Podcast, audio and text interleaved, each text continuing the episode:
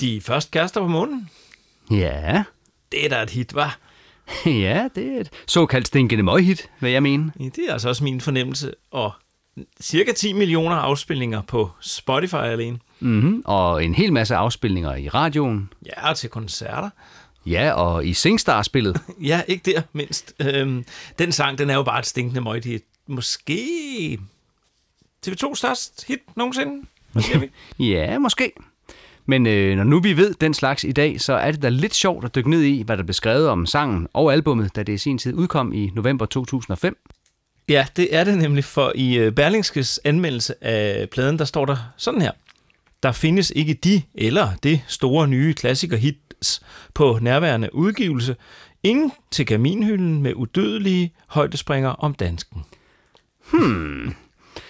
Nå ja, men øh, det er jo heller ikke altid, man skal tro på alt, der står i anmeldelser. Heller ikke i Berlingske. Nej.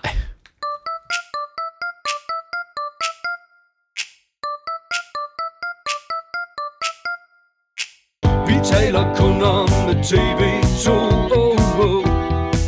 Babadabadabab. De er gode. Velkommen til episode 20 af Vi taler kun om TV2. Ja, velkommen til, og tak for sidst, Michael. Det var da noget af en aften, vi havde der på Ragnarok i Roskilde. Ja, det må du nok sige. I episode 19, der gik vi til den. uh, hvor du kan i dag, men, men ja, vi gav den der gas med publikum og fin gæster og hele pivetøjet. Ja, altså i dag så bliver det hele sådan lidt mere, vi taler kun om TV2 Classic, øh, eller Nede på jorden, om man vil. Ja, og det er jo lidt ironisk, når nu albummet handler om månen. Åh oh ja, det kan du godt have ret i. Men selvom vi er nede på jorden i dag, så kommer vi jo ret vidt omkring alligevel. Vi skal da på, for eksempel både til, ja, vi skal til Grønland, og vi skal til Bornholm. Ja, og må ikke også, vi kommer en tur under den sidste hvide bro og ud og køre med en hjemmeisbil også? Det er det, vi gør. Lad os få sat gang i albummet, og det gør vi med noget sprød og klassisk TV2-lyd.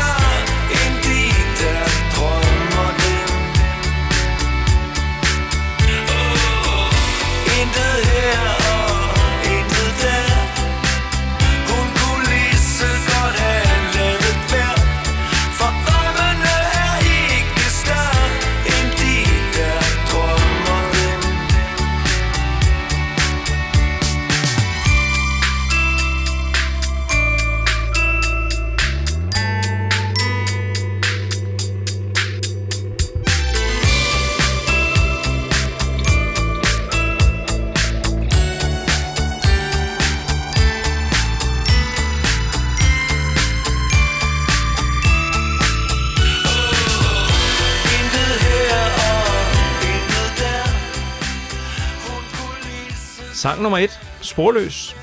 Hvordan øh, har vi, du, jeg, med det med den, Morten? Altså, jeg tror nok, jeg har det fint nok. Det er da en øh, fin historie om hende, pigen, der forlader sin hjemby, rejser ud i verden og dukker op i et tv-program mange år senere. Ja, og TV-program, TV-programmet, det er jo det her tilfælde Sporløs, som øh, jo var, eller er, jeg tror også nok, det er lige at starte igen. Det er et program, hvor folk de finder deres biologiske forældre, for eksempel om på den anden side af jorden, eller meget gerne om på den anden side af jorden, faktisk. Ja, altså det er et program, jeg aldrig rigtig har set, må jeg indrømme, men øh, var der ikke også engang et program, der hed Forsvundne Danskere i 90'erne eller sådan noget, hvor de altid tog til Frankrig for forgæves og lede nede hos øh, Fremmedlegionen? Jo, jeg tror lidt, det var forløberen for, for Sporløs. Øh, og det var sådan noget med, at når de så ikke kunne komme videre der i Frankrig, så tog de altid til Thailand. Ja. Det var sådan, ikke fordi, at de regnede med at finde den forsvundne dansker der, men nok fordi journalisten tænkte, det kunne da være meget spændende at lede i Thailand. Øhm, men selve programmet Sporløs, det blev sendt første gang i 1999. Og her i 2005, hvor den her sang udkom, jamen der var det ingen ringere end Line Bavn Danielsen, der var vært. Skal vi ikke sige, at det var nok om tv-programmer? Jo, lad os det. Jeg synes, at sangen Sporløs øh, er et øh, fint og meget melodisk åbningsnummer. Ja, helt sikkert. Og linjen, drømmene er ikke større end de, der drømmer dem, er helt usandsynlig meget Steffen Brandsk. Steffen Brandt. Mm, Det er lidt svært at sige. Det er meget svært at sige, men det er let at høre. Og fordi Steffen Brandt aldrig peger fingre, så synger han til sidst også, at drømmene ikke er større end vi, der drømmer dem. Den her snak om drømme og uindfriede ambitioner, den er heller ikke ny hos Steffen Brandt. Og på den her plade, der er det faktisk et meget overordnet tema. Jeg synes, det er et morsomt billede at hende, pigen i den her sang, kunne have fået, hvem hun ville have, inklusiv ham, henne fra banken. Jamen, øh, de er da meget eftertragtede, sådan nogle øh, bankfolk. Øh, vidste du heller ikke, for eksempel, at jeg er jo uddannet i en sparkasse? Nej, er det rigtigt? Det anede jeg ikke. Jamen, øh, det åbner da helt nye perspektiver for den her sang, synes jeg. Øh, jeg opdagede forresten, at ham der bankmanden i sangen, der, der lovede alt. I teksthæftet, der, der lover han ikke alt, men han lovede og lovede, står der. Ja, det er interessant. Men øh, pigen, hun forsvinder i en bil på gule plader. Altså, jeg tænker, hun lige så godt kunne øh, ja, have taget toget fra Randers stationen. eller, ja, hun kunne også være fløjet til Rio. Ja, det kan der være noget om. Øh, men uanset hvad, så kunne hende her lige så godt have ladt være, for drømmene var til synligheden ikke helt store nok, eller søde nok, som det hed i kedelig historie på Slaraffenland. Ja, ved du hvad? Det er også en kedelig historie. I hvert fald for pigen. Ja, og sikkert også for ham henne fra banken. Ja, sikkert også for ham.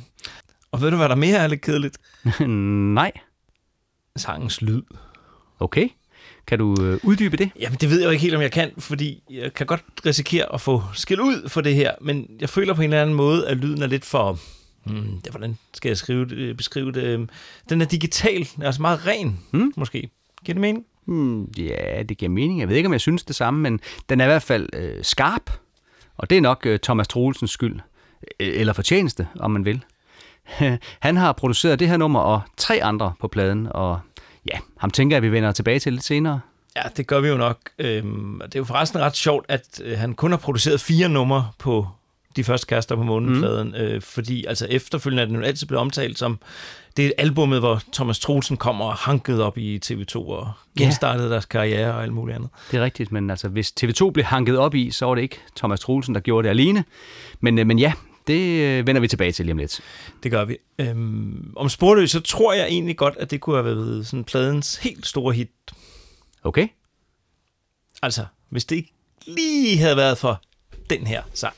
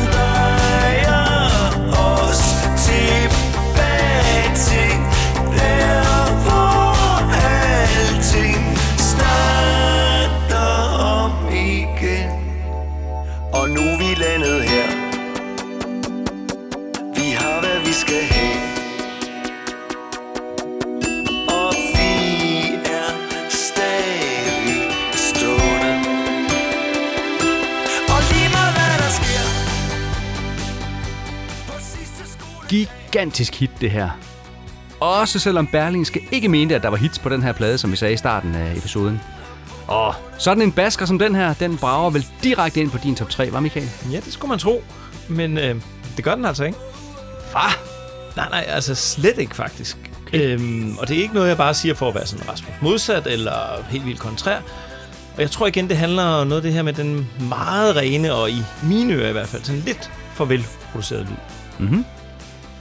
Ved du, hvad jeg godt kunne tænke mig? Øh, nej, har det noget med sangen at gøre? Ja, selvfølgelig har det det. Jeg kunne egentlig godt tænke mig at høre den her sang for allerførste gang igen. Jeg har det sådan med den, at jeg synes, den er blevet lidt slidt, og jamen, måske har jeg bare hørt den for mange gange. Jeg, jeg, jeg ved det ikke rigtigt. Jamen, det kunne også godt være en pointe. Øhm, og den er jo altså også blevet spillet mange gange, og til koncerterne, jamen der synes jeg faktisk også, den, der fungerer den jo som oftest rigtig fint, og især hvis den bliver krydret med sådan lidt god gammeldags pyroteknik. Den sætter i hvert fald altid gang i festen, det er helt sikkert. Ja, så er det jo en sang, hvor bare alle generationer, de scroller med. Øhm, og vi skal jo ikke, heller ikke undervurdere, at TV2 fik fat i et helt nyt publikum med, med den her sang dengang i 2005. Nej, det var helt vildt. Øh, Jeg solgte merchandise til en del af koncerterne på turnéen efter albumudgivelsen, og der kom altid nogle forældre hen med deres ret små børn og spurgte om, hvornår de spillede de første kærester. og, og det var jo altid det, det sidste nummer, de spillede. Så der var nogle trætte børn rundt omkring der. Ja, det kan du tro, der var. Det var lidt synd, faktisk. Ja, også for forældrene. ja, ja, for søren. Sangen er i hvert fald den TV2-sang, som øh, min datter først lærte at synge med på. Øhm, og da hun blev gammel nok til at forstå, at hendes far er stor fan, så synes hun, det var sjovt at ændre i teksterne. øhm, så hendes, i hendes version, så synger hun øh, som oftest øh, de sidste kærester på solen. og i øvrigt så kalder hun helt konsekvent altid Steffen for Stephanie. Okay, det tænker jeg, du må lære hende at lade være med. Men du jeg har prøvet, og det virker bare helt modsat. Okay. En anden sjov episode omkring min øh, datter og øh, de første kærester på månen, de stammer tilbage fra 2016, hvor hun gik i øh, første klasse. Jeg havde hentet hende fra skole i bil, og så spillede de de første kærester på månen i radioen, mm. og så lød det sådan her om fra bagsædet. Jamen, det er sikkert Eva og Adam, der var de første på månen. Så svarede jeg, nå, har du lært om Adam og Eva i skolen? Mm. Øh, ja, de var de første på jorden, men de var aber. Øh, aber, sagde jeg så. Ja, sagde min datter. Først var de aber, og så blev de til mennesker, far. Ja, og hvem siger så, at evolution og religion ikke kan gå hånd i hånd? Det kan det da. Det er en sød historie. Og selvfølgelig var Adam og Eva de første kærester, og de første aber på månen. Ja, for du ved godt, altså, hvad datter siger, er altid det rigtige. øh, kan du egentlig huske, hvornår du hørte sangen første gang, øh, og hvor du var henne? Altså, nu hvor du snakker om, du godt kunne tænke dig at høre sangen for første gang igen. Jamen, øh, jeg har bladret tilbage i min øh, gamle kalender, og det må have været den 16. juli 2005 i Odense. Okay, det var godt nok præcist. Ja, men øh, det var i hvert fald den dag, hvor Grøn Koncert var forbi Odense, og jeg havde første arbejdsdag i TV2's merchandise-bod. Og der spillede jeg altså sangen. Okay, og så tænker jeg, at publikum var helt vildt. Nej, egentlig ikke. Altså, jeg husker det mere som om, at det var under den sang, at de gik ud for at købe øl og sådan noget. Ja, det kan egentlig godt være, men øh, sådan reagerer folk jo nogle gange på, på nye sange til koncerter. Jeg tænker, jeg må have hørt den, hvis det var til Grøn Koncert, de spillede i Næstved og i øh, Valbyparken øh, dagen efter. Øh, var du også med der? Ja, ja, jeg var både med i Odense og i Aarhus og i Børkop og i Næstved og i København. Så øh, hvorfor var du ikke over at hilse på? Jeg tænker, jeg nok havde for travlt med at hente øl øh, hele dagen, kan jeg forestille mig. Jeg skulle i hvert fald ikke have nogen af de der øh, blå på kanten af småt brandbart t-shirt, øh, for det må have været dem, du solgte, vel? ja, det var det faktisk. Det er I vel godt husket, Michael. Jamen, jeg kan bare den slags. Mm-hmm. Men øh, der skete noget andet spændende til koncerten i Valby. Nå, okay. Hvad var det så? Jamen, øh, det var, at øh, de første kærester på månen blev sunget live i radioens P3, og det var ikke TV2, der gav sangen den debut. Hvem var det så? Var det dig? Ja, det skulle man tro, men det var det faktisk ikke. Det var Ingrid. Kan du huske hende? Ingrid, ja. Altså, ja, hende jo, det, det var hende der hollænderen, som øh, hun var så stor fan, at hun, hun startede faktisk hjemmesiden øh, tv2fan.dk. Ja, hende ja. Øh, og det var også hende, vi to planlagde at skrive en øh, TV2-bog sammen med, kan jeg da huske. Ja, det er rigtigt. Øh, ja, hvorfor blev det egentlig ikke til noget med den bog? Ja, hvorfor gjorde det egentlig ikke det? Det er jo en lang og kedelig historie, som vi ikke vil trætte vores lyttere med, tænker jeg. Nu, nu får de den her podcast i stedet for. ja, det er rigtigt. Men det er vel også et okay bytte, er det ikke? Jo, måske. Men øh, hvorfor sang Ingrid så sangen i radioen? Det, det, det skal, den historie skal vi nok have. Ja, men altså, det var noget med, at P3 var på pladsen der til Grøn Koncert, og de havde jo hørt, at TV2 havde spillet en ny sang. Og så fordi Ingrid var sådan en giga TV2-fan, så interviewede de hende og spurgte hende om, hvordan den lød. Og så sang hun simpelthen omkvædet live i radioen. Sejt. Altså, godt gået, Ingrid. Ja, respekt, som hendes yndlingsbane fra Aarhus ville sige. Ja, det ville de garanteret. Mm-hmm. Øh, og som jeg husker det, så var TV2's grøn koncertversion der fra 2005 også bedre faktisk end den, der kom med på pladen. Jeg husker det som om, der var mere guitarlyd, og at den mere lød som noget fra verdens lykkeligste mand-perioden, men, men jeg kan huske forkert. Jamen, har du ikke en optagelse, så kan vi jo tjekke det. Nej, desværre det har jeg ikke. Hvad?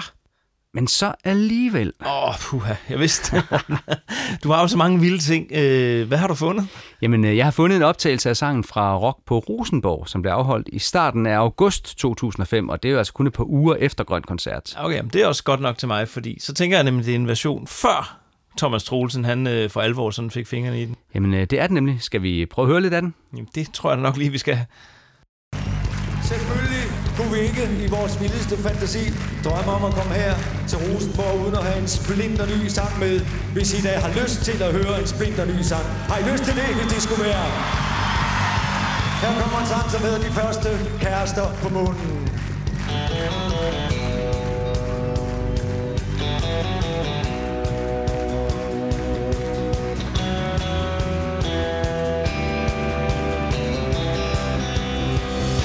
Og jeg der var så ung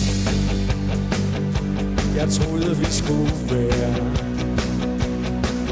De første kærester på månen. Men vores himmelrum Var lige nu og her. Så vi holdt bare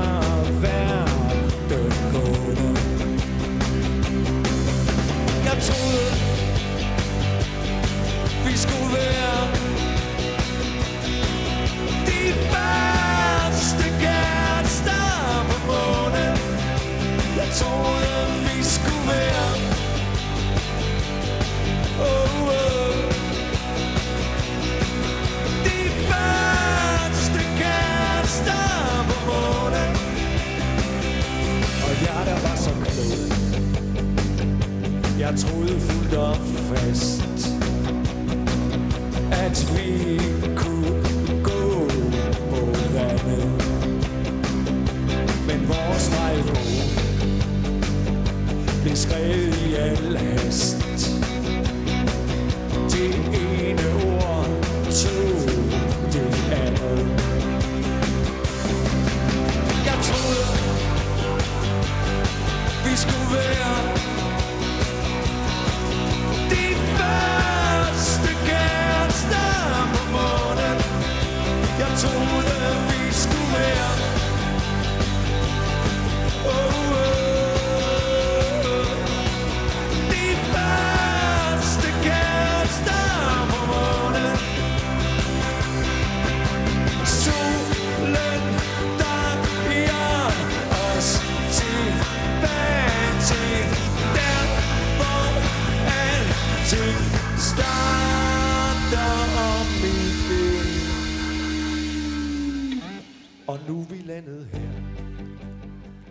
Du havde ret, Morten. Det der, det var jo meget mere guitaragtigt lyd, og der er altså...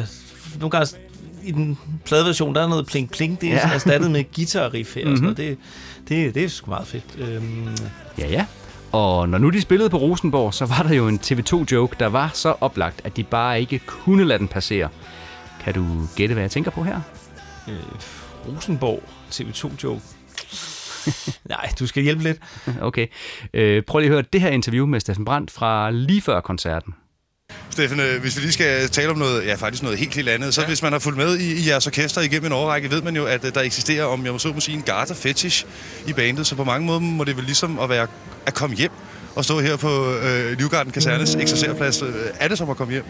Det er jo lidt ligesom at sende børn ind i en øh, legetøjsforretning med deres forældre og deres forældres credit card, ikke? Men øh, for os er det altså, det går selvfølgelig tilbage til den gang, hvor øh, jeg selv var på station, hvor jeg blev taget til garderne, ikke? Jeg blev erklæret for absolut egnet. De kunne se, det er en sund og rask mand, ikke? Kvik, uden at være alt for kvik, ikke? Og den der bjørneskensune passede simpelthen lige præcis ned over mit, mit hoved, ikke? Men øh, uheldigvis så trak jeg så fri over. Og det har jo ærget både dem og, og mig lige siden. Så vi forsøger at råde bod på det ved at invitere pigegarter, livgarter, hvad som helst øh, i spil, så snart det kan lade sig gøre. Ikke? Og så er det jo så, hvis jeg skal være helt ærlig, der hvor jeg rigtig øh, bliver fascineret, det er, at de kan gå samtidig med, at de spiller. Ikke? Den gik aldrig i mit orkester. Steffen Brandt, tak fordi du havde tid til at tale med mig. Det er jo- Vi glæder os til at høre TV2 senere. Ja, selvfølgelig. TV2 har jo altså en garter-fetish. øhm, så var der en garter med, en, eller en garde, hvad hedder det, en garde med Ja. til koncerten. Ja. Jamen, øh, selvfølgelig var der det. Det er jo verdens ældste TV2-joke, ikke? Mm, Det er det vel. Øh, men altså nu vi er ved TV2-jokes. ja, hvad så? Banke, banke på. Åh, oh, skal vi lege den leg? Ja, banke, banke på. Ja, kom ind. Eller, jeg mener, hvem der? Jens Rode. Øh, oh no. Jens Rode, hvem? Jens Rode. Vi skulle være det først. Ah, okay. ja, den, den er lidt sjov. Jeg indrømmer det. Nej, den er rigtig sjov, Morten. Det er, bare, det er min yndlingsbanke, banke på vits. Okay, er den bedre end den med? Åh, oh, hvem? Åh, kom nu hjem. Dit nye liv står klart. Kom nu on. Ja, ja, men så er der også øh, Steffen Brands yndlingsåge. Åh oh, nej, hvad nu det for noget så? Åh, eh, åh, eh. Okay, stop, stop, stop. Okay, jeg synes stadig, at den med Jens Rode, det er den bedste. Okay, Bum. så siger vi det. I Gaffa kaldte Steffen Brandt sangen, ikke joken, men sangen, for sin bedste sang siden Lanternen. Åh, oh, altså, det er jo alligevel noget, tænker jeg. Ja. Berlingske, de, øh, som jeg før ikke var, synes, der var nogle hits på den her plade, de mm-hmm. kårede i 2015 det nye årtusindes bedste danske sange. Hold da op. Det var alligevel tidligt i Ja, årtusindet. det er ej, 15 år inden det. Ja. De har ikke så stor tiltro til nye og kommende sangskrivere. det tænker jeg også, du har ret i. Men øh, på den der liste, der blev de første kærester på månen øh, nummer 9. Okay, nummer 9 alligevel. Øh, okay, hvilken sang blev nummer 1? Ja, men det skal jeg så lige kigge, fordi... Øh... Ej, ja, okay, sorry. Øh, det gjorde Malte Coin. Øh, vi tager fuglen på dig. Øh, mm. Jeg undskylder, lige tøvede lidt der, men jeg opdagede lige, at øh, på 8. pladsen, altså lige over TV2, Mhm. mm. så lå øh, Medina med Velkommen til Medina. Over til... Øh, ja, okay, det ved jeg ikke lige, hvad jeg skal sige til. Så, altså, de første kærester på månen er ikke årtusindets bedste sang. Fair nok, men den er da bedre end Velkommen til Medina. Altså, det synes jeg også, men det, det kan vel ikke komme bag på dig. Nej, det gør det ikke. Men alligevel... Med... Nå, Nej. vi skal videre. Vi Altså, skal videre, okay, Jeppe Skær. Medina har jo for nylig faktisk samlet noget TV2, så skal vi give en lidt kredit så. Ja, okay, det er i orden. Godt. Men vi skal videre, det er ja. det, vi skal. Ja. Jeg vil lige nævne, at jeg kan huske, at uh, BT's hofreporter uh, Bodil Kat, hun uh, fremførte sangen her i det der tv-program, hvor kendte mennesker skulle vise, at de besad andre talenter, end dem, de var kendt for. Ja, det kan jeg også godt huske, og jeg tænkte egentlig ikke, at vi behøvede at have det med i podcasten, men Jo, jo, Men- skal men okay. det hele med. Ja. ja, ja. Så vil jeg nævne, at der blev lavet en fin musikvideo til sangen, som endda var inkluderet på CD'en. Ja, jeg tror også, det var nok sidste gang, at uh, de gjorde det der med at putte en uh, video på en mm. CD, fordi i 2005, det var faktisk året, hvor uh, YouTube, de så, så startede, og uh, efter det, så tror jeg ikke, at markedet sådan for musikvideoer har været sådan helt det samme, i hvert fald på samme måde. Nej, men i 2005 kunne man stadig være heldig at se dem i fjernsynet. Og øh, apropos fjernsynet, så har der jo simpelthen været lavet en hel udsendelse bare om den her sang. Ja, det var øh, programmet, eller en serie, der hed Her er det hit, som blev sendt på øh, DR i øh, 2020 med Carsten Holm som vært. Og her kunne man blandt andet høre vores gode ven af podcasten, Mads Bjørn, fremføre den her version af De Første Kærester. Jeg der var så ung Jeg troede vi skulle være De første kærester Vores himmelrum. Var lige nu her. Så vi holdt bare vær den gående. Jeg troede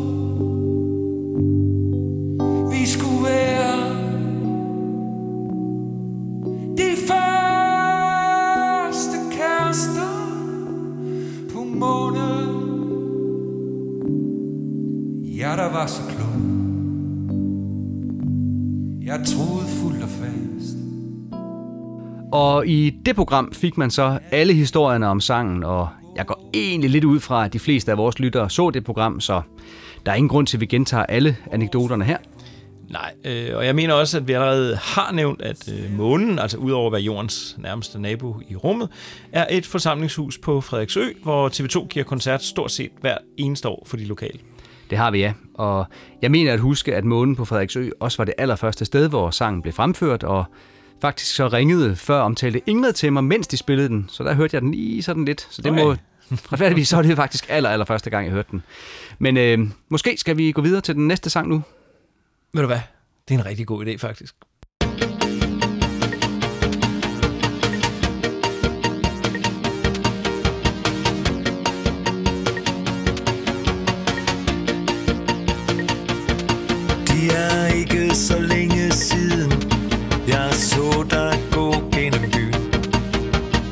Jeg der går min barndomsprinsesse. Et helt uvirkeligt drømmesyn. Jeg husker dig som var det for altid En uopnåelig pige klædt i hvidt. Og da du gik ud af klassen Var det med skolens højeste snit. Måske er der en sammenhæng som mellem Forbryder og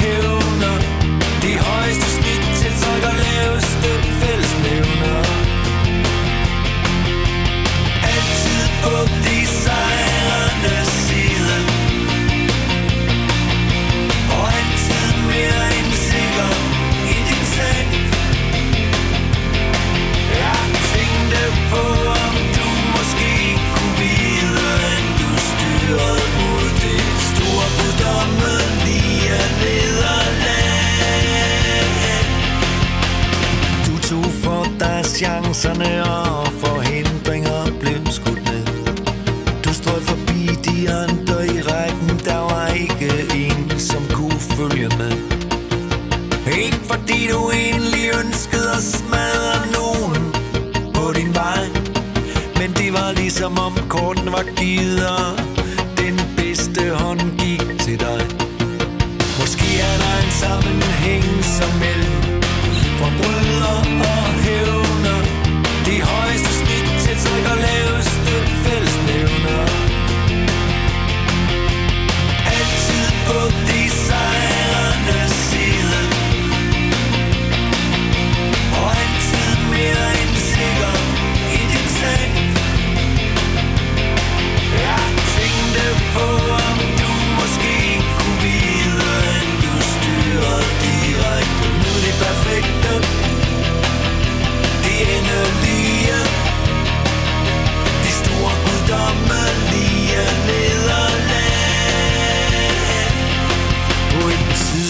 glemte du at lukke døren Og en tilfældig tvivl faldt ind og lagde sig som en uafrystelig skygge i dit ellers så lyse sind.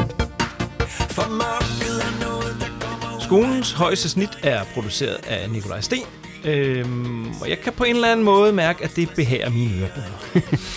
Ja, det er et af mine yndlingsnumre på den her plade. Øh, Synth pop. Der er masser af blibot oven på en fed bund, og så swinger det bare for vildt. Det er meget energisk. Øh, det er fedt, helt enkelt. Yes. Især det der break efter lige godt og vel tre minutter, du ved. Det her. Ja, det er mega godt. Mm-hmm. Øh, sangen fortæller historien om øh, hende, øh, drømmepigen fra klassen, der var den uopnåelige prinsesse klædt i hvidt, som var den pæneste og den dygtigste, og den, der var helt 100% sikkert ville nå længst i tilværelsen, da hun jo scorede skolens højeste snit.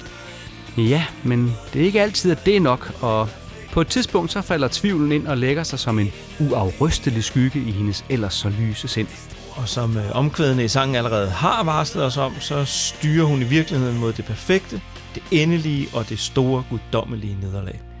Ja, så her har vi at gøre med endnu en kedelig historie uden en lykkelig slutning. Ja. Som vi sagde lidt tidligere, så er det her med drømme og uindfriede ambitioner et overordnet tema på den her plade, men heldigvis skal vi senere møde en, for hvem det går noget bedre. Ja, det bliver godt. Øh, men hende, pigen i den her sang, øh, hun har faktisk altid mindet mig om en anden pige fra en anden dansk sproget popsang. Mm, Ja, jeg tror faktisk godt, jeg kan gætte, hvem du tænker på, for jeg tænker nemlig også på en, kan jeg godt røde. Ja, spændende. Jamen, jeg ved, om det ikke er den samme. Øh, jeg tænker på øh, Susanne fra Souvenirs. Øh, jeg hedder Susanne. Yes, bingo. Det var lige præcis hende, jeg også tænkte på. Som de synger i den sang, det er et mareridt at sige det så tit. Hun fik selvfølgelig landets højeste gennemsnit. Ja, lige præcis. Øh, jeg tror altså bestemt, at Steffen Brandt han har lyttet til sin gamle kammerchuk fra klichédagene, nemlig Niels Torp, jo, som udgør halvdelen af Souvenirs. Ja, men øh, Susanne når nu ikke at blive ramt af tvivlen i den sang. Hun kører bare ud af og, og ender med at score jeg-personens kæreste. Ja, så er det vel faktisk okay at have Susanne. Ja, det tænker jeg også. Lidt i hvert fald. Ja, og øh, måske er det også øh, Susanne-sangen, som Steffen Brandt han øh, tænker på, når han i øh, sangens sidste linje synger, at selv den smukkeste blomst risikerer at ende som årets popmelodi. Ja, det kan da godt være. Øh, det er i øvrigt ikke det eneste sammenfald, der er mellem TV2 og Souvenirs på den her plade. Nå, men det må du godt lige uddybe, tænker jeg. Ja, fordi altså, vi er enige om, at de første kærester på månen, det har noget med TV2 at gøre, ikke? Øh, jo, i høj grad. Mm-hmm. Men øh, allerede i år 2000 udsendte Souvenirs deres opsamlingsplade, De Bedste Souvenirs. Og jeg kan lige vise dig coveret her. Hvad forestiller det? Øh, jamen, det forestiller jo de to medlemmer af Souvenirs i noget sådan noget astronaut-outfit. Han har sin øh, rumhjelm under armen, og hun står med en, en sådan Madame Blå kaffekande. Mm, og, og hvor står de henne? Skal lige se. Jamen, de står på månen. Ja, lige præcis. Jeg var engang til en Souvenirs-koncert, og her viste Niels Torp det her cover frem, og sagde, at han faktisk havde ringet til Steffen Brandt for lige at fortælle ham, at det altså var Souvenirs, der var de første kærester på månen. det er faktisk meget sjovt. ja, og nu vi er ved ting, der er sjove, så synes jeg da lige, jeg vil nævne, at det var her i foråret 2005, at jeg tog til Grønland for at høre TV2. Ja, det kan jeg godt huske. Altså ikke, at du tog til Grønland, men øh, at de tog derop, fordi mm. jeg arbejdede hos Profilrejser, og de, det, var, det var faktisk også der arrangerede turen, mm. men øh, jeg kunne desværre ikke selv komme med. Øh, det var noget med, det var sådan en øh, fantur i TV2's fodspor, var det ikke? Jo, det var det. Vi skulle opleve to koncerter deroppe i henholdsvis Asiat og i Lulisat. Og, og derudover så havde vi også lidt, lidt tid til at køre på hundeslæder og sejle på isfjorden og sådan noget. Ja, det er jo altid spændende, men jeg vil hellere høre, om det var nogle gode koncerter. Jamen, øh, det endte med at blive en fin koncert. Øh, jeg tror, jeg har fortalt det før her i podcasten, men vores kystskib, det var et døgn forsinket, så vi nåede ikke med til koncerten i Lulisat. Ja, ja det tænker det var herresurt, men, øh, altså, men det jeg så tænker, det er, hvordan nåede orkestret så frem til koncert nummer to, når I nu ikke kunne? Ja, det er en ret sjov historie, fordi vi sad på øh, sømandshjemmet i Asiat, og TV2 var der også. Og så pludselig kom der sådan et kæmpestort skib og lagde til over i havnen. Og jeg siger, at der gik mindre end 5 minutter før Steffen Brandt han stod over og ringede til kaptajnen på skibet, og fik det arrangeret sådan, at orkester og crew kunne sejle med til Ilulissat bare få timer senere. Altså, nu har jeg været i Grønland og set de der skibe, og som du siger, de er jo kæmpe store, så, så kunne, I godt, kunne I ikke have været der også? ja, det er så noget af det, jeg aldrig helt har forstået, men af en eller anden mærkelig grund, så var der kun lige plads til lige præcis TV2 og deres crew. Der kunne ikke klemmes så meget som en eneste fan ombord. Jeg tænker, det må have været lidt øh, ja, træls, hvis du ellers tillader en københavnersnud som mig bruge det der udtryk, men stå der og se dem sejle afsted. Ja, det var ikke bare lidt træls, det var... Ja, men vi fik da prøvet at stå der på kajen og vinke farvel, som om vi havde prøvet det før. Øh, og et par år senere, der mødte jeg faktisk Jens Johansen, som var med som korarrangør på den her tur. Og han viste mig nogle fine billeder, han havde taget op fra skibet, hvor man kunne se os slukkeørede fans stå tilbage. Surt. ja, det var surt, men, men som et plaster på såret, så blev vi inviteret til sådan en slags meet and greet på TV2's Hotel i Lulisat, da vi endelig nåede frem 24 timer efter koncerten. Det lyder hyggeligt. Jamen, det var det også. Og på et tidspunkt, så trak øh, Steffen Brandt sig tilbage til sit værelse med ordene, jeg kan mærke, der er en sang på vej. Og, og det må jo have været en af sangene for det her album, han skrev derop så. Eller det kunne jo også bare være en undskyldning for at være... Ja, slip for at være lidt sammen med sådan en flok øh, skøre TV2-fans. Åh, nå. Har du tænkt på det? Men det er altså rimelig hardcore, og øh, altså, det er lidt ekstremt at rejse helt til Grønland, Morten. Øh, Det primære formål at høre TV2. Ja, jeg ved det godt, men altså, sådan skulle det være. Og hvem ved, måske var det den her sang, han skrev der på hotellet i Ilulissat.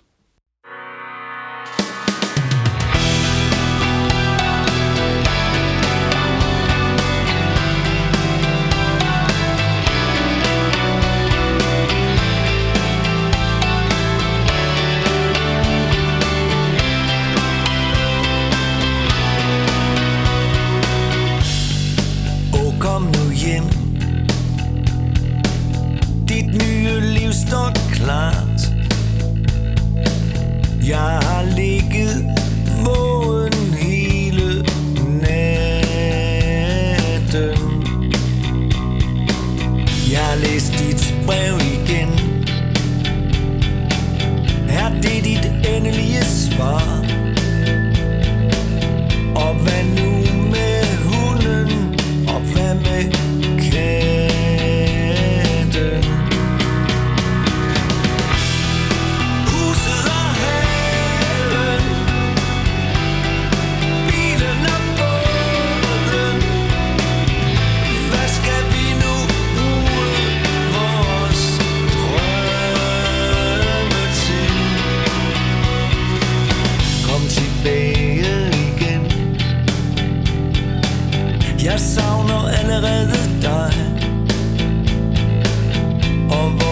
vores hverdag lagt i faste rammer. Hvor skal jeg nu gå hen? Der er helt stille i mig. Jeg kan sætte stumper, slipset strammer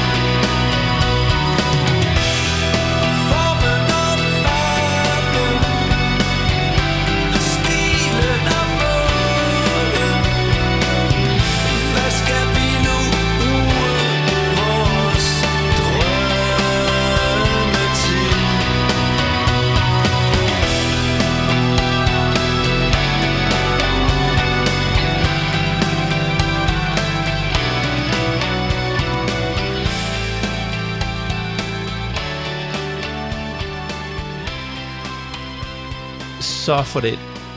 Så tror jeg faktisk, at øh, vi kommer en tur tilbage til vores venner Jimmy og Janni, eller måske nærmere en tur til Herlev, hvor der ikke længere er helt så skønt. Øhm, hun parallelparkerer ikke øh, længere vognen ude på Villavejen. Jamen, hun har simpelthen kørt afsted i bilen, hun. For ikke at vende tilbage, vel at mærke. Ja, det er en break-up-sang, den her. Øh, nogen vil måske endda kalde det for tuderock. Altså, bare det her ordet åh er med i titlen, indikerer, at det er trist, det her. Ja, det må du nok sige. Øhm, I efteråret 2005, så mødte jeg en, øh, en kvinde, jeg blev ret for forelsket i. Øhm, altså, vi var kun sammen et par måneder, så da hun gjorde det forbi, så vi var jo selvfølgelig ikke i nærheden af det der forhold, de beskriver i det par i sangen har, men alligevel så ramte den der sørgelige stemning i sangen mig, når jeg lyttede til de her linjer. Kom tilbage igen, jeg savner allerede dig.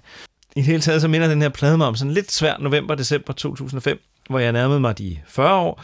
Øh, Jeg havde stadigvæk ikke mødt den eneste ene eller udsigt til at få børn. Øh, Det ændrede sig så i foråret 2006, men det kunne jeg ikke vide på det her tidspunkt. Nej, man kunne have sparet mange bekymringer undervejs, hvis man havde vidst, hvad der ventede rundt om det næste hjørne. Ja, det er rigtigt. Men uanset hvor trist sangen er, og uanset hvilke følelser den vækker i en, så kan man da starte med at nyde produktionen af den. Igen, det er Nikolaj Sten, og halløj for en lækker bas, der dominerer den her Ja, sang. det må jeg nok sige. Øh, Det er et godt nummer, øh, og så er der også blevet plads til lidt humor undervejs, faktisk. Ja, altså, det er da ret sjovt, at han spørger hende, om det er det endelige svar, hun har givet ham.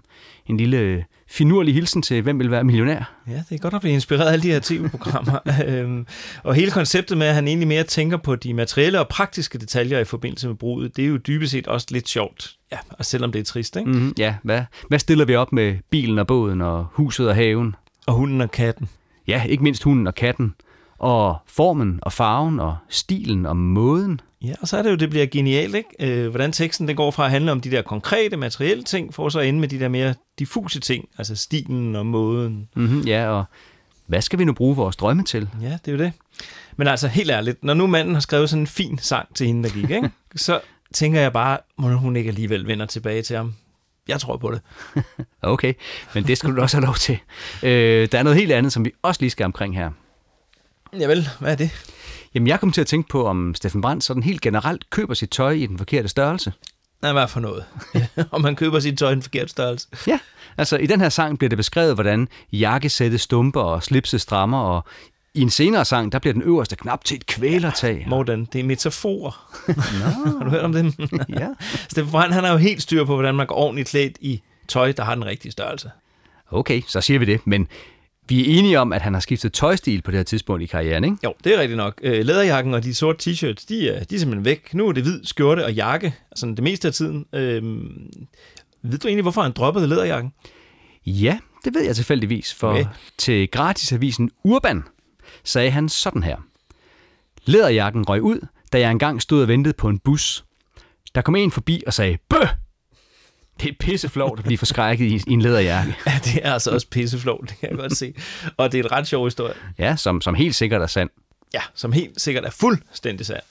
Nå, øh, nu er det blevet tid til mere øh, plingeling og den der slags, øh, og det er jo så et sikkert tegn på, at Thomas Troelsen han er tilbage i producerstolen. Vi har i tidligere afsnit af podcasten hørt, at det her er vores dans, og vil du danse med mig? Og nu er Steffen Brandt endnu en gang på vej hen over dansegulvet for at byde den udkårende op med spørgsmålet, der denne gang lyder, Hvem vil danse denne nat?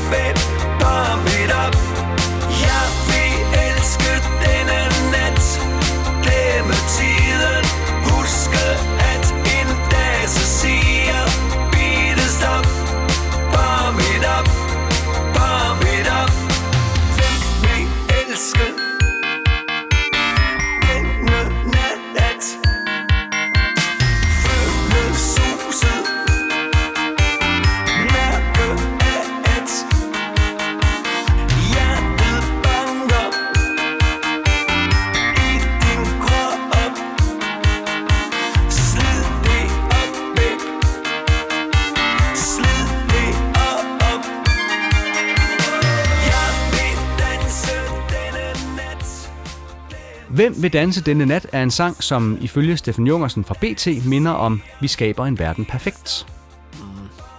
Okay, så... Øh, okay, ja, måske er der et eller andet ved med, med melodien. Det, det, ja, det kan godt være. Det ved jeg ikke. Jeg ved det ikke. Det ved jeg heller ikke, men det er selvfølgelig den samme komponist, så, oh, ja. så hvorfor ikke?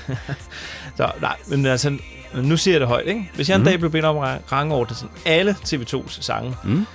så vil den her, den vil havne langt ned på listen. Det, det er ikke min yndlingssang. Okay, så den har ikke øh, top 3 potentiale.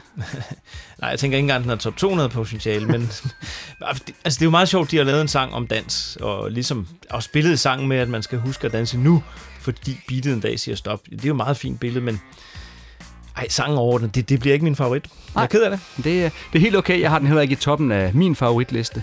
Også fordi den er lidt underligt produceret. For eksempel så bliver linjen Pump It Up Babe til Pump It Up Babe. Ja, det har jeg også tænkt over. Øh, det er lidt ærgerligt. Øhm, og i øvrigt, så vil han jo bare danse i teksthæftet, hvis man læser det. Altså mm. i seng, selve sangen, der vil han også elske, og det er jo altid noget. Ja, helt sikkert. Det er Anna Dorthea Køster, der synger med undervejs, og det er nok Thomas Troelsen, der har inviteret hende, for jeg kan se, at hun også har sunget med Junior Senior, som han jo også arbejdede sammen med.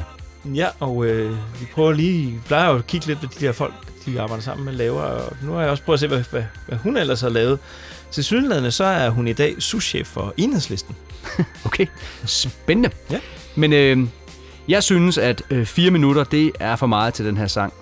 Øh, jeg kan godt lide budskabet om, at man skal tage imod de danse, man bliver budt op til. I, I overført betydning i hvert fald, fordi jeg bryder mig, som jeg tidligere har sagt, ikke ret meget om at danse faktisk. Nej, og det gjorde, eller det gør Steffen Brandt vel egentlig heller ikke, fordi til politikken så sagde han nemlig sådan her. Det kommer faktisk lidt bag på mig, at jeg har brugt dansen så meget i sange. Men dans er billedet på den ultimative livsudfoldelse, fordi det rummer et element af at slippe kontrollen. Jeg har altid været sådan en, der virkelig har nyt at sige nej tak til at danse. Og så øh, fortsatte han med den her beskrivelse af at blive tvunget på dansegulvet. Og jeg er typen, der tænker, åh oh, nej, hvis jeg kommer til en fest, og de har hyret en eller anden DJ, for så skal der jo danses. Det er nærmest en pligt. Men måske vil man meget hellere snakke eller bare drikke sig fuld.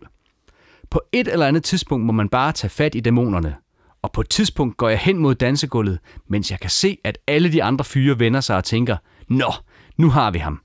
Ham musikeren, der har skrevet sange og tekster. Prøv at se ham nu. og de har jo ret. Det ser jo latterligt og åndssvagt ud at danse. Men på et eller andet tidspunkt står vi der alle sammen og ser sådan ud. Der bliver frigivet nogle endorfiner, og at the end of the night, eller ud på morgenen, er man sgu et lykkeligere menneske. Det er meget godt sagt, ikke? Men, øh, så, ja, men for at det ikke skal være løgn, så lavede selveste Infernal et såkaldt øh, club mix af sangen. Og vi bør vel lige sådan, trods alt høre bare en lille smule af det.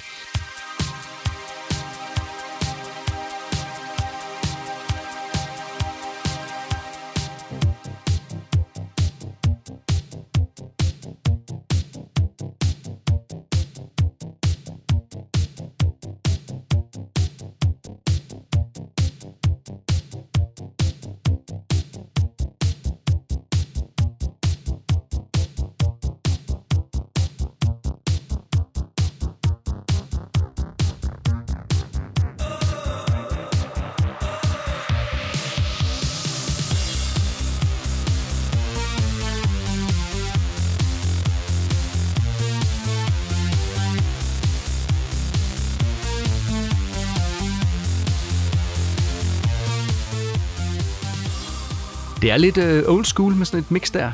Ja, det har aldrig, heller aldrig været min yndlingsting. Mm. Ah, ved du hvad, Morten? Jeg synes, jeg lyder som en sur gammel mand i dag. Ved du hvad? Det er, så, det er jeg faktisk glad for, fordi det plejer at være mig. Så det er bare helt i orden. Okay, men øh, er det så ikke blevet tid til at høre, om anmelderne de var lige så sure, som jeg er i dag, åbenbart? Jamen, det kan vi da godt prøve, ja ja. Øh, vil du starte? Ja, tak. Weekendavisen skrev, at det nyeste udspil fra gruppen er TV2's måske mindst ironiske og samfunds- samfundskritiske album længe. Trods gruppens helt naturlige underspil, er det en ret så præcis og dæmpet desperat aflæsning af midtvejskrisens krassen. Åh, oh, de der Weekendavisen. Ja. Og midtvejskrisen også, ja. Ja. Den øh, vender vi tilbage til om lidt. Steffen Jungersen fra BT skrev under overskriften Klassisk TV2, og med fem stjerner ud af seks mulige, at Steffen Brandt og TV2 er i en stor form, som man ville forsværge en flok aldrende instrumentsvingere fra Aarhus kunne opmønstre, her op mod deres 25-års jubilæum til årsskiftet. Det her er ganske enkelt det bedste og mest melodisk og musikalsk mindeværdige TV2-album i så mange år, at det lige så godt kunne være løgn, mine damer og herrer. Der er hele vejen på bedste TV2-fasong fyret op under både festen og melankolien, længslen og livet, hvis det skulle være. Steffen Brands velgørende, vittige og ironisk eftertænksomme lyrik er denne gang af en karakter, så det er svært ikke både at blive glad og forelsket i alle facetter af det satans liv. Det er godt, han kan blive så inspireret af Steffen Brands øh, ord, og han kan bruge dem i anmeldelsen. Øh, Thomas Søje Hansen, han øh, gav pladen 5 ud af 6 stjerner i Berlingske og skrev under overskriften Jubilæumsknald fra TV2 disse bevingede ord. Det er et forbavsende helstøbt TV2-album, hvor bundniveauet i sangkvaliteten bestemt ligger højt. På den musikalske Richterskala taler vi ikke om hverken brag eller raballer, men om et gedint jubilæumsknald fra orkestret, der har sølvbryllup, når sneen rammer græsset lige om lidt. Og slutligt kaldte Kim Skotte i politikken TV2 for nutidens halvgamle, og rundede også midtvejskrisen. Brandt og TV2 har brugt midtvejskrisen til at lave en af bandets bedste og mest beåndede plader til dato, skrev han, og fortsatte.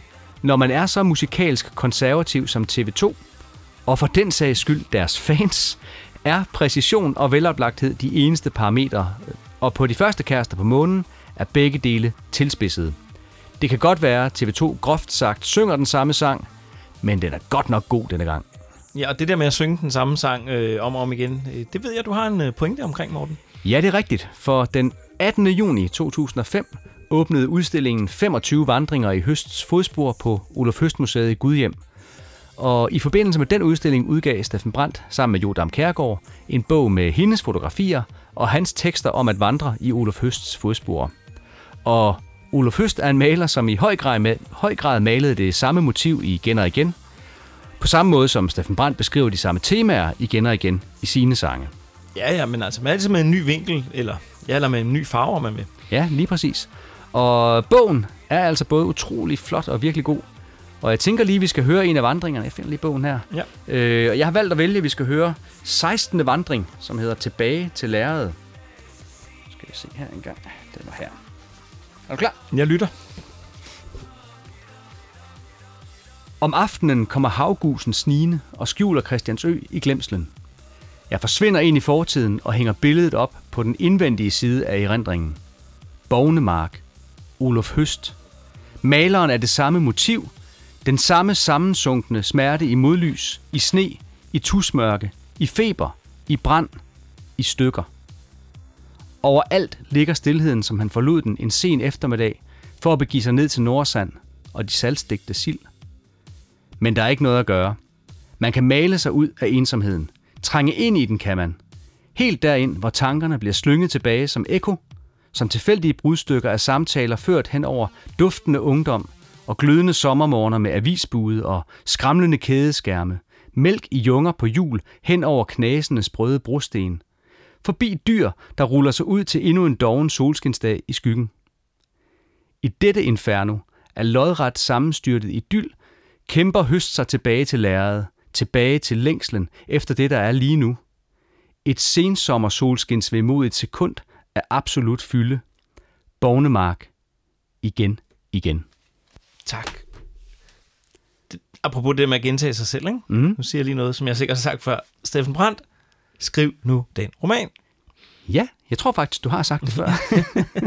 Men øh, jeg har også, vi har også lige hørt, det er ingen skam at gentage sig selv, vel? Men i øvrigt så har jeg noget at bygge mit håb på, faktisk. Okay. Øhm, fordi jeg øh, lyttede til en gammel radioudsendelse, øh, hvor Steffen Brandt, han var gæst hos Niels Christian Lang i den udsendelse, der hed Crunch, og det var mm. tilbage i 2001. Og prøv lige, prøv lige at høre den her lille bid.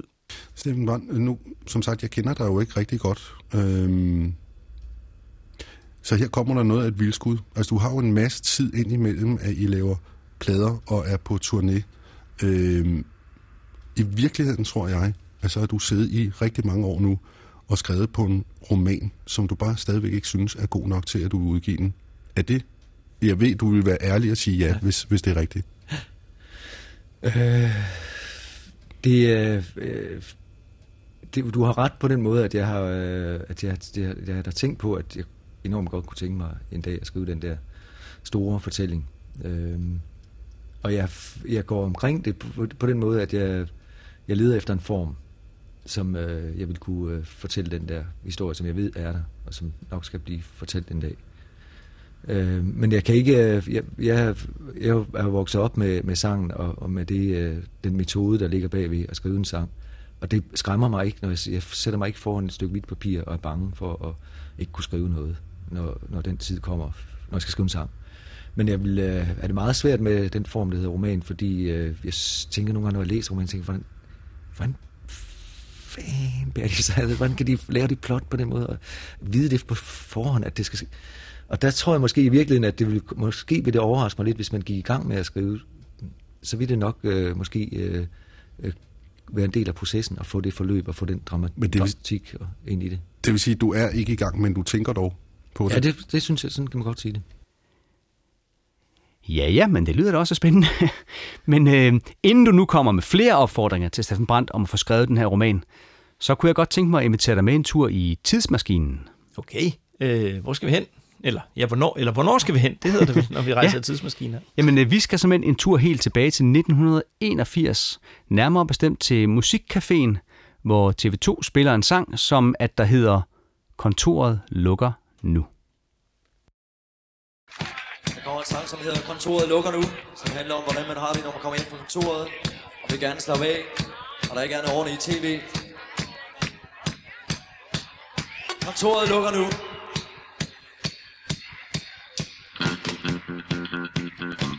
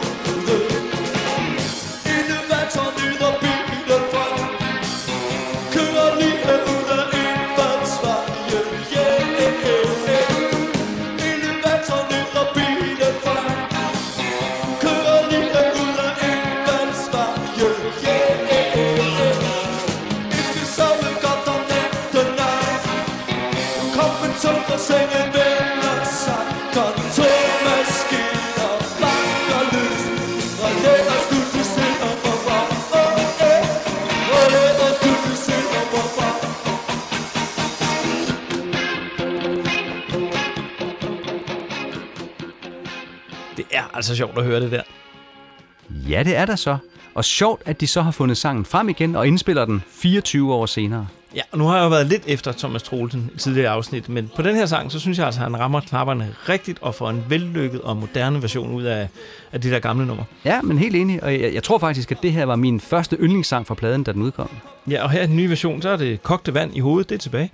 ja, det var ikke opfundet endnu i 1981. I hvert fald ikke i TV2-sammenhæng. Men nå, mindre snak, mere musik. Kontoret lukker nu.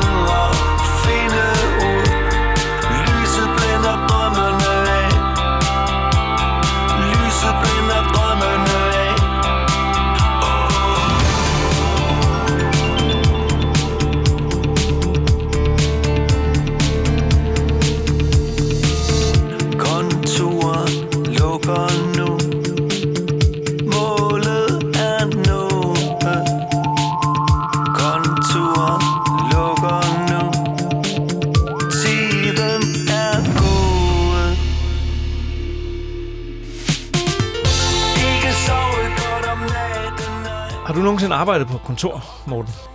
Og ja, det har jeg gjort i mange, mange år.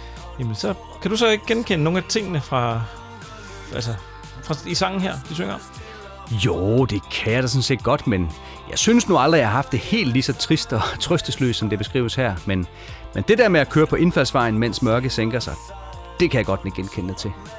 Ja, altså, jeg synes jo, det nummer, det rammer så præcist. Øh, altså, udover at jeg i efteråret 2005, som jeg sagde før, var ramt af ulykkelig kærlighed, så var det også i de der måneder, jeg sagde mit øh, gode og sikre kontorjob i rejsebranchen op, og så sprang jeg ud som øh, selvstændig.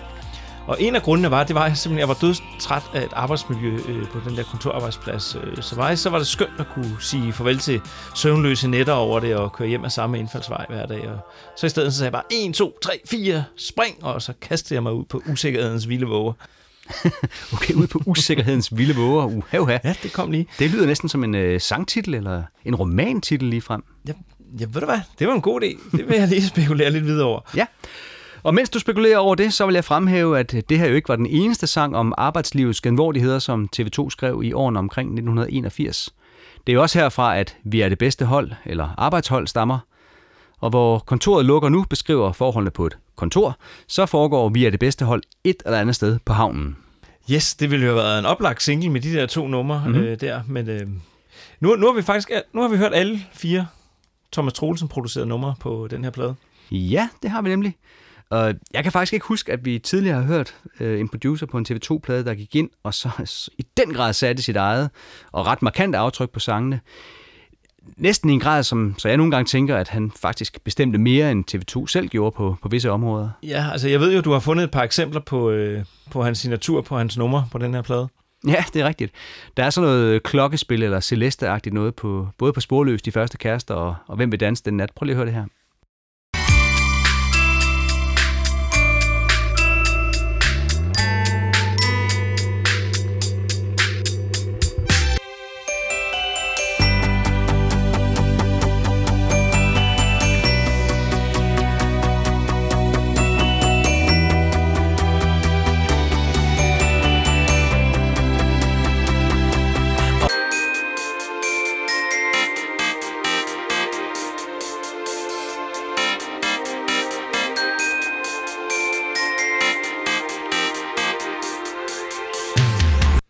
Det er der til at genkende. Ja, og så er der en åh-linje, der går igen. Prøv at høre her.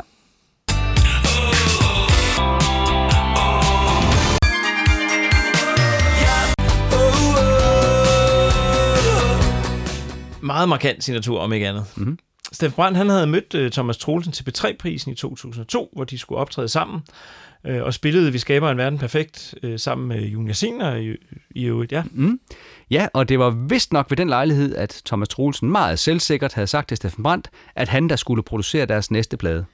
Ja, øh, Steffen Brandt han sagde til Gaffa om Thomas Troelsen, at øh, der i Danmark fandtes en producer, som var fuldstændig totalt hjemme i 80'erne, og det var altså Thomas Troelsen. Han ved lige præcis, sagde Steffen Brandt, hvordan de så ud, de 80'ere, og hvordan man skaber de lydbilleder, der var dengang. Men det, vi først og fremmest har været interesseret i, er energien fra 80'erne. Det er jo ikke interessant for os, som har været der, at gå tilbage og reproducere et eller andet, som vi var engang. Thomas Troelsens udgangspunkt var, at han ikke ville lave andet end hits. Og så måtte orkestret bare arbejde, indtil de havde de fire sange, som han mente kunne gøre arbejdet. Ja, og flere gange så blev Steffen Brandt sendt hjem med en besked om at skrive et nyt A-stykke og slet nogle af de mange B-stykker, han gik og arbejdede med. øh, og efter sine var Thomas Troelsen også ret hård i forhold til at sige ting som, det kan godt være, at du har en masse, du gerne vil fortælle, men det interesserer mig ikke, fordi melodien ikke fanger mig. Og du kommer i oven i købet ingen vegne hurtigt. Ja, når jeg tænker over det, så er det nok noget af det, jeg ikke er så vild med, med Thomas Troelsen, tror jeg. Altså, jeg kan jo netop godt lide, når der er en masse ord, og når Steffen Brandt han tager sig tid til at fortælle en historie og komme med et budskab. Yes. Steffen Brandt selv tog også sin kampe med den unge producer.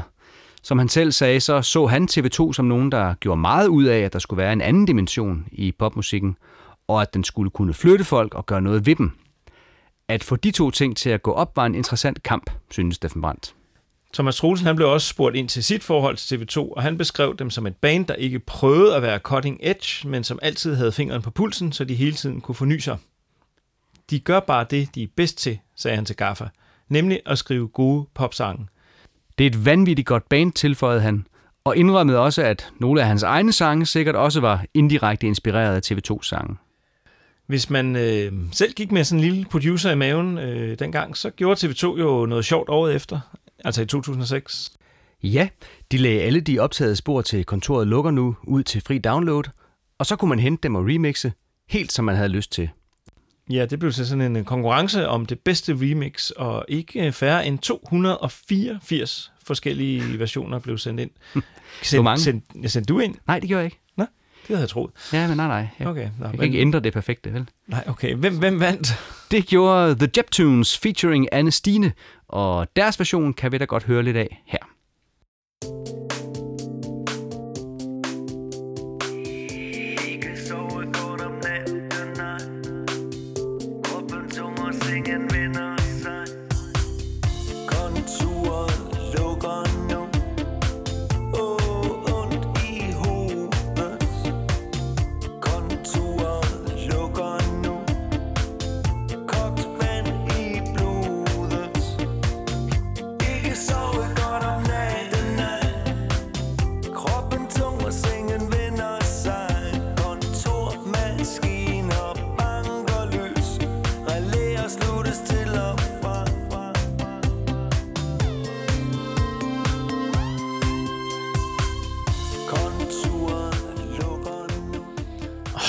Du ved godt, hvordan jeg har det med remixes og den slags, ikke?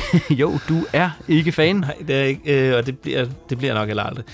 Men var der ikke noget med, at, øh, at Cutfather, han også remixede det til sådan et sommerprogram på DR? Jeg tror, det hed Take Off for noget tid siden. Jo, det er fuldstændig rigtigt. Skal vi springe den version over, synes du? Altså, jeg har jo lyst til at sige ja, men øh, hvis du nu bare spiller en lille bitte smule af den, så kan vi jo faktisk prale med at have spillet hele fire forskellige cover, eller fire forskellige versioner af den samme sang. Nå ja, det er jo alligevel noget.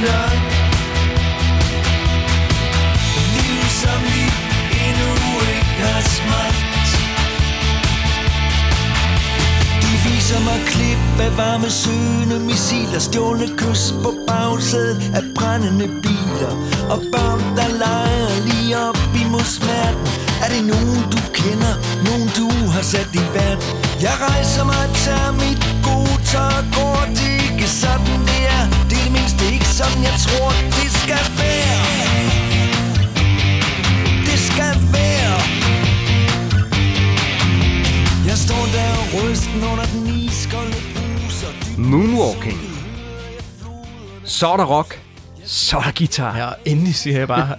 og det er jo, det er jo noget et flinsende guitarriff, der bliver åbnet med. Altså, ja tak. Ja, og tak til Halfdan E., som har produceret den her sang. Ja, jeg kunne mærke, at jeg havde brug for noget, der ikke var helt så meget plingeling i. Og alt, hvad du ønsker, skal du få, ved du nok. Ja, og så får han en masse ord også i den her sang. Det sætter jeg også pris på. Øhm, det her det er sådan en flot tekst om desperat midtvejskrise, som alligevel munder ud i noget, der minder om håb og selverkendelse. Ja, altså sangen starter med, at den voksne mand modtager et brev, hvor i der står, at det er blevet tid til det store midtvejs eftersyn. Ja, og manden han føler sig jo slet ikke klar til at være det, han er. Altså voksen, for eksempel. Og kedelig. Ja, et fint lille callback til Vi bliver alligevel aldrig voksne. Ja, lige præcis. Øh, og så skal der alligevel sådan en udvikling i løbet af sangen, og det, det er ret bladet skrevet, synes jeg. Øh, så til sidste sang, så er han alligevel klar til at være det, han er. I live, for eksempel. Yes! Og så er vi jo tilbage ved jordens heldigste, hvor jeg personligt i den grad også erkendte, at han levede. Det er stort, er det? Jeg tænker i hvert fald, at det er en sang, som en ung sangskriver ikke ville kunne have skrevet. Nej, det er en sang, der kræver en vis øh, livserfaring, og øh, hvor er det bare Steffen Brandt at synge. Er det for sent nu? Var. Ja, den der pause inden det der var, det er, det er Steffen Brandt i en nødskal. Hvad med dig, Morten? Er du blevet indkaldt til det store midtvejs eftersyn nu? Nej, men jeg har ventet det længe efterhånden. Øh, Hvad med dig? Altså, jeg tænker, at jeg sådan rent matematisk er jeg sådan et stykke forbi øh, midtvejs. Øh, men forleden så dumpede der faktisk et andet brev ned i min postkasse, som mindede mig om, at årene går. Okay, brev lige frem. Fra hvem dog? Ja, fra ældresagen. De skrev, at nu var jeg gammel nok til at melde mig ind. Okay så. Føler du dig klar til at være det, du er så? Altså i live for eksempel? Og medlem af ældresagen? Nej, nej, nej, nej. nej. Altså, jeg, altså, jeg er ikke engang blevet gift endnu. Åh, nej. øh, og jeg har hverken høje tændinger eller måne. Øh, så det der brev, det røg bare direkte i nærmeste papirkurve. Okay så. Øh, men apropos det der med at blive rigtig voksen, så var det her omkring, nærmere bestemt i 2006-2007 udgaven, at Steffen Brandt kom med i Kraks Blå Bog. Nej, hvor fint. Øhm, og tænker han ikke, at var kommet det før? Ja, det er altså underligt, men måske var det, fordi han nu så mange gange inden for få år havde spillet for de kongelige, øh, både i Paris, i Parken og på Rosenborg, så kunne han endelig komme med i det fine selskab. Jamen, det kan da godt være, det var derfor. Øhm, jeg tænker nu bare helt generelt, at han efterhånden var umulig at komme udenom. øh, Berlingske kårede for eksempel i maj 2000, 2005 de bedste danske musikværker nogensinde i henholdsvis klassisk og rytmisk musik. Inden for det klassiske, så vandt Carl Nielsens Maskerade, mens TV2's rigtige mænd gider ikke høre mere vrøvl, vandt den rytmiske afdeling foran Gasolins efter endnu en dag, og Kim Larsens Værsgo. Sådan der. Endnu en kåring. Og den her gang var der ingen Medina, der kunne snige sig ind foran. Nej, nok godt det samme. Øhm, skulle vi ikke fejre det med nogle kolde facts? Så pyt da. Men det er kun for dig, kun for dig. Der skal mere end kolde facts i, og den som mig. Jeps, lad os en gang. De første kærester på månen ramte jorden og de danske pladebutikker den 7. november 2005. Og på trods af, at det var så sent på året, blev den alligevel årets mest solgte plade, og endte med at sælge i alt 161.000 eksemplarer. Og det var altså et helt uhørt højt antal plader på det her tidspunkt. Øh, ikke kun for TV2, men sådan øh, for alle. Ja, altså vi er næsten på nærmest lykkelig niveau, og, og det her var en helt anden tid, når vi taler om salg af plader. Ja, det, er helt, det var helt vildt. Yes. Pladen blev nomineret til syv Danish Music Awards og vandt både for årets danske hit, årets danske popudgivelse og årets danske sangskriver. Og herudover så fik TV2 også IFPIF, IFPIS, hedder det, ærespris. Øh, I begrundelsen lød det blandt andet. Til at begynde med lignede de et mediestunt, en gimmick, en god vidighed. Men de seneste 20 år har de markeret sig som et orkester, der tager strøm på Danmark og danskerne, men gør det underfundigt, mildt og alligevel ædende sarkastisk. Deres sange er så danske som Lego. De bygger på få klodser, men er lige så holdbare, og i en tid, hvor alle snakker om, at de midalderne ikke længere gider købe musik, har de med deres nyeste album og en stuende udsolgt Danmarks turné bevist, at alder ikke er nogen hindring i rockmusik. 100.000 af pladekøbere kan sagtens tage fejl, men gør det ikke i tilfældet TV2, som i år modtager IFPIs ærespris. De får den for udholdenhed, originalitet, sproglig vitalitet og selvironi i en branche, hvor selvhøjtidligheden ellers har gode kår. Stil ind på TV2. Sende og modtage forholdene har aldrig været bedre. Pyha, sikkert en smør, men øh, aldrig har en ærespris været mere velfortjent. Øhm, tilbage til Cold Facts. Der var også øh, gæster med på pladen. De Aarhusovns øh, selvfølgelig. Og øh, Henrik Nielsen. Og øh, nu hedder han så Henrik den yngre Nielsen. Og syngepiger var der masser af også den her gang.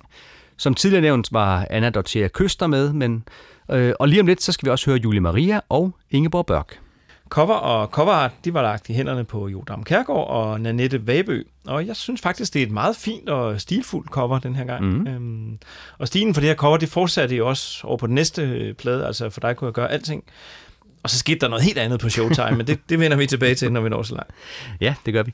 Og den merchandise, der blev solgt til koncerterne, Nå ja, blandt andre mig selv, sagde hun. Uf. Det var også øh, ret okay og stilfuldt den her gang. Ja, det var de der Hummel-t-shirt, ikke? Jo, det var den nemlig. Øhm, pladen var produceret af nå ja, Thomas Troelsen, Nikolaj Sten og Halvdan E., men det tror jeg allerede, de har nævnt et par gange. Ja, det har vist været godt omkring, tænker jeg. Men øhm, jeg lægger mærke til, at øh, tv2fan.dk, de bliver nævnt i covernoterne. Øhm, jamen, det var den hjemmeside, som du også, efter Ingrid havde startet den op, var med ind over, ikke, Morten? Det var jeg nemlig jo, men jeg vil ikke tage æren for den. Den tilfælder Ingrid, som vi talte om tidligere. Hun lagde et kæmpe arbejde i den hjemmeside der, og, og der kunne man simpelthen finde alle de informationer om TV2, man, ville, man havde lyst til, både gamle og nye, ligesom der var en øh, ret god debatkultur derinde. Jeg savner tit den hjemmeside, og, og hvis du lytter med til podcasten, Ingrid, så tusind tak for det store arbejde dengang. Det blev tid til at komme videre til næste sang. Vi skal høre Steffen Brandt og førnævnte Julia Maria i en fin afstemt duet om et lykkeligt goodbye.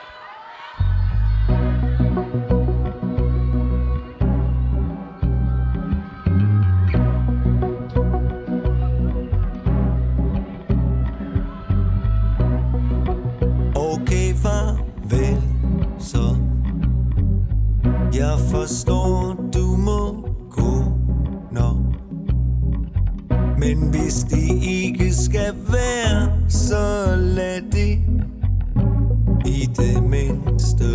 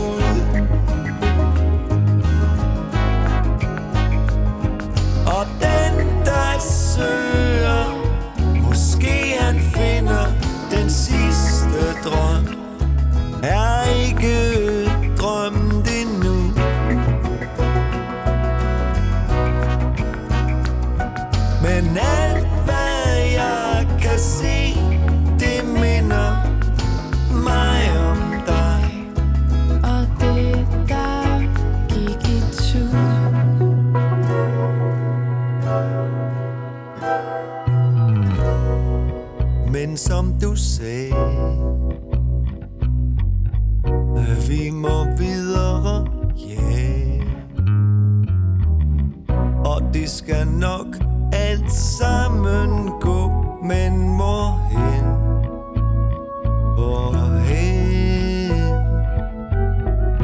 Måske bare til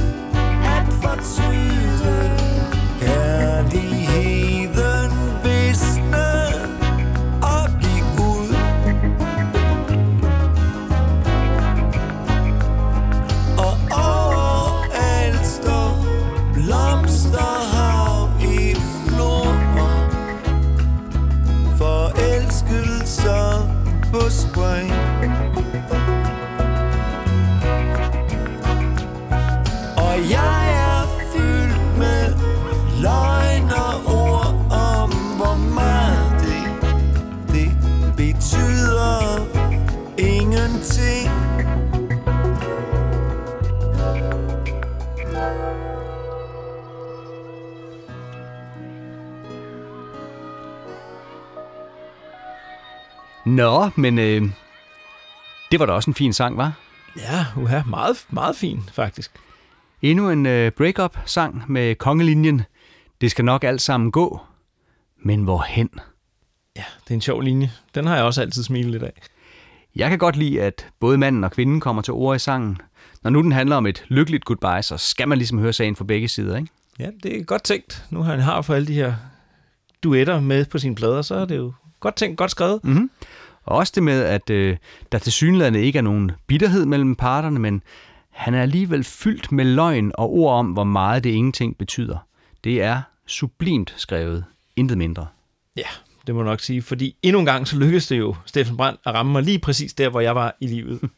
Hvis øh, Åge kom nu hjem, pirkede lidt til min kærestesorgsfølelse i 2005, som jeg talte om lidt tidligere, så ramte et lykkeligt goodbye mig jo som et godstog. Efter det her forhold, jeg snakker om før, var slut, så tog kvinden alligevel med på en, øh, sådan en allerede planlagt weekendtur til London i midten af december. Og det, det var simpelthen de skønneste 72 timer, hvor vi så byen hånd i hånd, og ja, vi kyssede lidt på en bænk i Hyde Park, og ja, kort fortalt, det var et lykkeligt goodbye. Mm.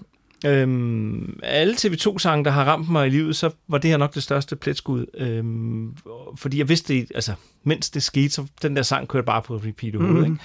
Og da jeg kom hjem, så ville jeg jo gerne have også været fyldt med løgn og ord om, hvor meget det betyder ingenting, som i sangen, men øh, jeg var dårlig til at lyde, så i stedet så skrev jeg et 11 11 vers langt digt til hende om, hvor lykkeligt det havde været i London.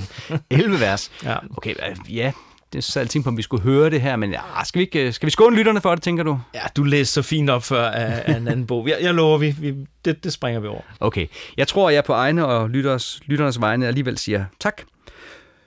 Tilbage til sangen. Øh, kvinden i duetten, det er Julie Maria, som faktisk er datter af Mona Larsen fra Halberg Larsen. Og før hun begyndte at synge sammen med Steffen Brandt, så sang hun øh, kun på engelsk, øh, men han inspirerede hende til at begynde at synge på dansk. Ja, og når man ser nogle af hendes sang- og albumtitler, så kan man da godt fornemme inspirationen. Jeg nævner i flæng. På kanten af Ikke småt brandbart, men virkeligheden, og Danse til vi dør. Og hun har også lavet en sang, der hedder Beat, kan jeg se. Ja, men øh, min yndlingssang med hende er nu den der Uden hinanden fra julekalenderen Pakten, der jo foregik i min barndomsbys snorlige gader, nemlig i Tyrgod. Julie Maria og Steffen Brandt har optrådt sammen med flere lejligheder, og hun var jo en lang tid en del af hans, øh, en mand og hans guitar setup. Ja, En mand og hans guitar, eller En mand med sin guitar, er et show, som Steffen Brandt har turneret med i mange år efterhånden. Jeg mener, jeg så ham på den måde første gang i 2001, hvor han vidderlig var helt alene med sin guitar. Efterfølgende har han som regel haft en kvinde ved sin øh, side, blandt andre Tina Dikov og Julia Maria, som vi lige sagde, og i øjeblikket så er det Anne Hjort, der er med. Mm-hmm. Hvis øh, showet engang kommer forbi et spillested nær dig, så tag ind og se det. Det er altid meget, meget underholdende. Den næste sang, den handler om en mand, der havde alt, og så fik han hund. Ligesom os to. Præcis ligesom os to. øhm, her er det ikke en mand og hans øh, guitar, nej, det er en mand og hans hund.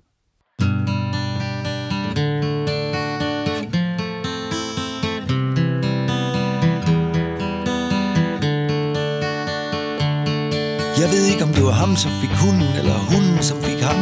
Måske fik de i virkeligheden bare hinanden. Vi kommer ind i historien, der hvor han lufter sig selv og sin hund. En søndag eftermiddag ved stranden. Han kaster en pind, og den løber derefter den. Eller også løber den bare, fordi den er hund og glad. Han kigger på skynder sig hjem Det er ham, som står for hundens og familiens mad. Så ligger den i kurven i køkkenet og kigger beundrende op på sin herre Mens denne snitter kål. Og inde i stuen spiller ungerne Playstation Figo har netop scoret sit andet mål.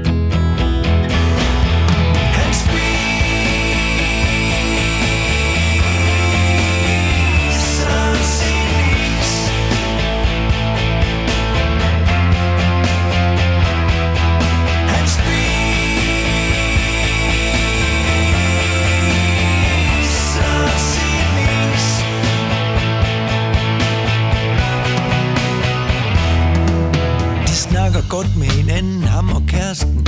De har børn og et liv, som fungerer sammen. Men ved årtid, når alt er på plads, og ungerne leger, siger han, jeg går lige en tur med hunden ned til stranden. Han spørger ikke, om nogen vil med, eller også er der ingen, der spørger, om de må komme med. Han går i hvert fald alene.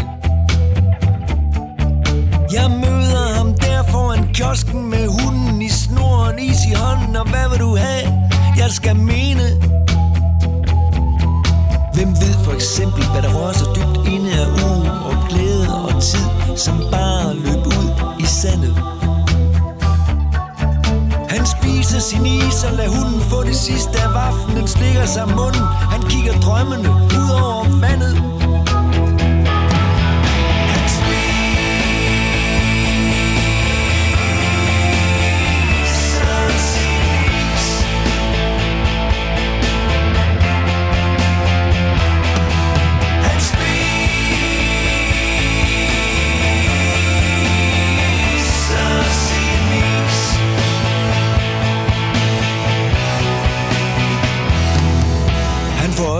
Sætter mig ned, og vi snakker på et tidspunkt, så siger han, hvis det var dig, hvilket navn skulle sådan en prægtig hund mon have?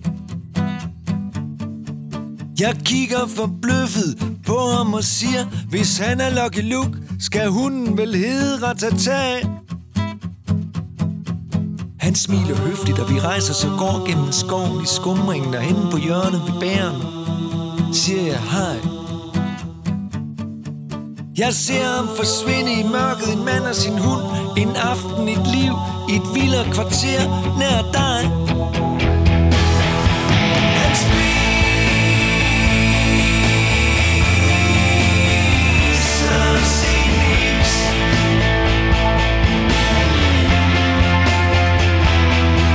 Han Det her, det er pladens sjoveste sang. Jamen, jeg er enig, og øh, det er en sang, jeg først rigtig har kunne identificere sig med her i, ja, for et halvt års tid siden, hvor jeg selv fik hund. Nu sagde jeg lige før, at Brandt sange ofte ramte mig lige der, hvor jeg var i livet. Og det galt så ikke den her sang. øhm, jeg før nu, fordi hold da op, hvor jeg efterhånden har gået mange lange ture med den hund. Ja, og, og du kan endda i teorien gå en tur ned til vandet. Det, det kan jeg ikke. Du kan ikke komme længere væk fra kystlinjen i Danmark, end, end her, hvor jeg bor. Ej, men jeg har da set fra motorvejen, når jeg kører over, at de har sådan en lille sø derude. Kan du ikke bare gå derhen? Jo, øh, det gør jeg også tit, og, og ikke kun søndag eftermiddag. Jeg havde et møde med en kunde forleden, hvor vi kom til at snakke om hunden, og han fortalte, altså uden vi overhovedet havde øh, talt om TV2, at øh, hans yndlingstid på dagen, det er, når han om aftenen går en tur alene med hunden, uden sine tre unger eller andre, bare med sig selv og sine tanker. Ja, og det er jo det. det. Det er en god måde at forvente nogle tanker på. Jeg holder også meget af at gå, gå tur med min kone og med mine børn, og, og dem har jeg altså ikke i snor. men, men sådan en alene tur med hunden, den, den kan jeg også et eller andet. Ja, så tænker jeg, at så får din familie jo også alene tid uden dig samtidig. Det er jo det er bare win-win. Hov, hov, ja. Alle er glade. Også manden her i sangen. Aarhus Stiftstidende spurgte Steffen Brandt, om manden i sangen var lidt utilfreds, sur eller uforløst, sådan som han luskede afsted for at være lidt i fred. Nej, sagde Steffen Brandt og fortsatte. Han synes egentlig, han har et godt liv, men han mærker stadig den der uro, som måske altid vil være der. Det, der er ikke en start og en slutning på alting, og der er spørgsmål, der aldrig bliver besvaret. Det har jeg selv været længe om at acceptere, at den længsel bare er noget, man skal tage imod. I virkeligheden er den måske kimen til den moderne restløshed. Man skal ikke være bange for den, for den er lige så meget et grundvilkår som ensomhed, sorg, smerte, kærlighed og glæde. Det, det er helt fantastisk, det her. Altså, vi er 100% enige om, at sangen er vildt sjov, og så er der alligevel masser af alvor bag. Har vi talt om, at Steffen Brandt er genial? Ja, lige hvad jeg tror, vi har nævnt en enkelt gang eller to, ja. Øhm, jeg var så heldig, at jeg var med til et snilytte arrangement lige inden pladen udkom, hvor Steffen Brandt også selv var til stede. Og vi sad alle sammen og lyttede meget andægtigt til de nye sange. Og da vi så kom til det sted i den her sang, hvor han snitter kål, så, så grinede Steffen Brandt selv meget højt. Han var simpelthen så glad for den linje. Altså, jeg er glad for den der linje, hvor han synger, han spi... Der er mange i'er. Is og sin is. Øh, og, og den er ikke engang med i tekst til. Nej, det er faktisk ret mærkeligt. Ja. Øh, tracklisten til albummet blev offentliggjort et stykke tid, før pladen udkom, og på den første liste, jeg så, der, der hed sangen faktisk, Han spiser sin is. Jeg kan huske debatten på før nævnte TV2-fan.dk, hvor vi diskuterede, om Steffen Brandt Brandt var begyndt at spise vildt meget is, siden der både var med i titlen til den her sang, og så øh, i hjemmesbilen ringer altid to gange. En anden detalje er, at øh, hunden i teksthæftet, han, den slikker sig om snuden, da den får tilsnusket sig noget is, men øh, Steffen Brandt, han synger faktisk, at den slikker sig om munden. Ja, og her bør vi nok lige komme med en disclaimer.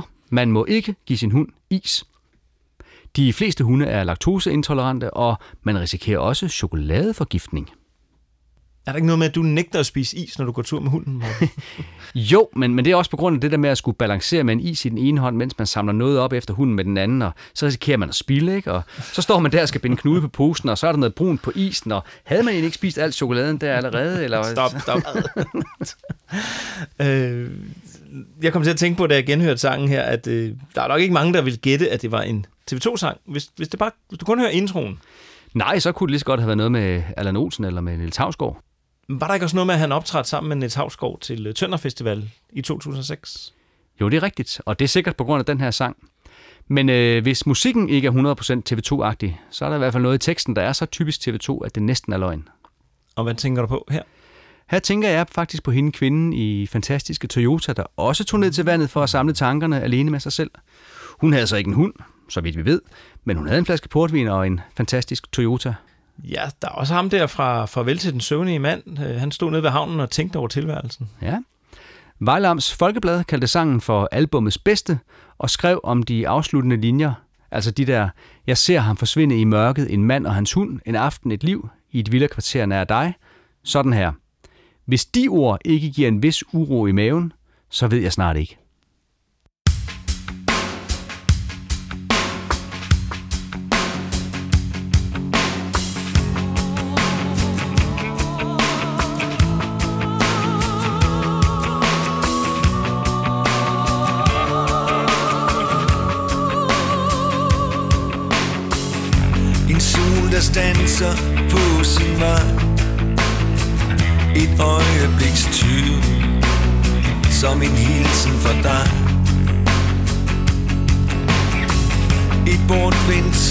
Som ingen ser Minder om, at du At du engang har været her.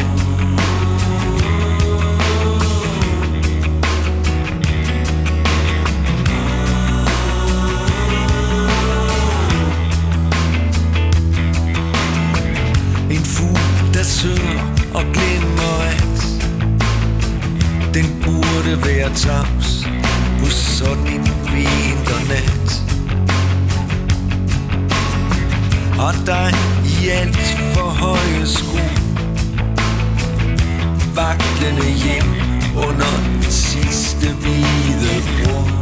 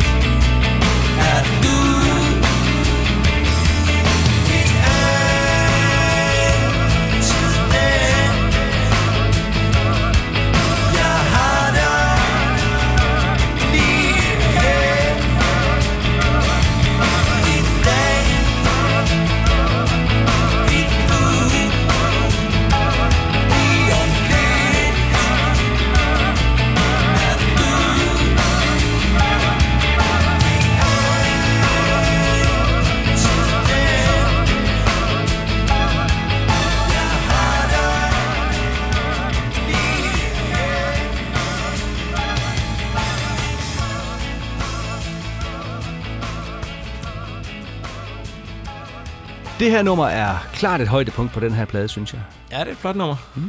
Er vi øh, på din top 3? Nej, ikke helt. Okay. Der hører det hjemme, trods alt. Men øh, du skal også huske på, at der er jo der er kun plads til tre numre på min top 3. Ikke? Nå ja, det, det glemmer jeg lidt en gang imellem. Men Dennis Ritter, som vi havde på besøg i sidste afsnit, han havde den ret højt på sin liste. Ja, han havde godt nok mange pæne ting at sige om lige præcis den her sang. Ja, med en masse andre sange også. Ikke? Ja, det må man sige.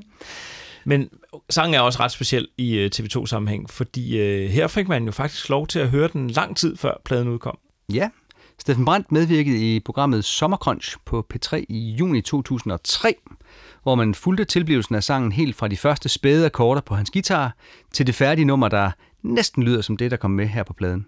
Men i starten af udsendelsen, så har Steffen Brandt vidderligt kun nogle få akkorder af sangen, som lyder sådan her.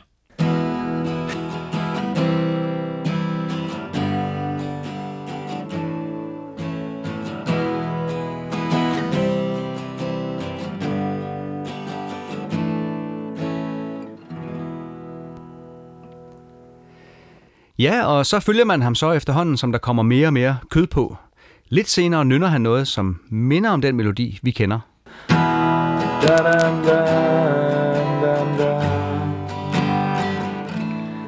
Det var bare, det kom lige over en morgen, og så greb jeg gitaren, og så er det lige de akkorder, den, den, den gitaren ligesom vil, vil have, jeg skal spille, eller nogen vil have, eller fingrene spiller, eller, og så det, kommer den der melodi, den, øh, den ligger der bare. Og langsomt, men øh, sikkert, så kommer der mere og mere struktur over det. Det her, vi nu skal høre nu, det er faktisk første gang nogensinde, jeg har prøvet at spille sådan en, øh, en grundskitse for nogen, uden at der egentlig er, er ret meget andet at høre end øh, min ubehjælpsomme lokal og min diso guitar. Men det starter faktisk, den starter sådan her. Da da, da, da. Da, da, da, da. Da, da, da, da. Da, da,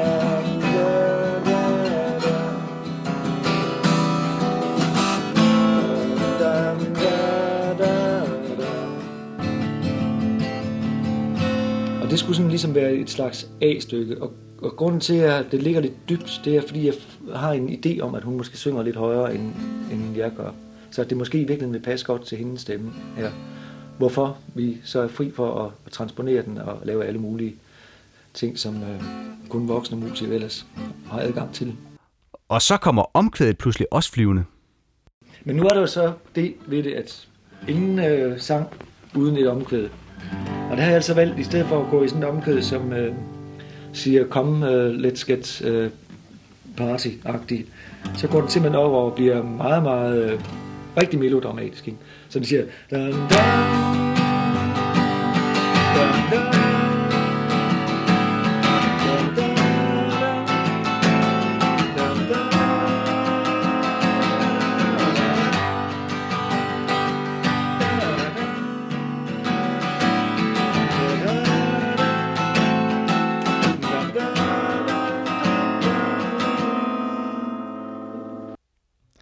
Danmarks Radio havde så lavet et benspænd, der hed, at der i sangen skulle inkluderes noget opera. Og her kan I høre, hvordan det lød, da operasangeren Ingeborg Børk første gang blev præsenteret for melodien. Ja, og hvor Steffen Brandt fortæller hende, at det ikke skal være poppet.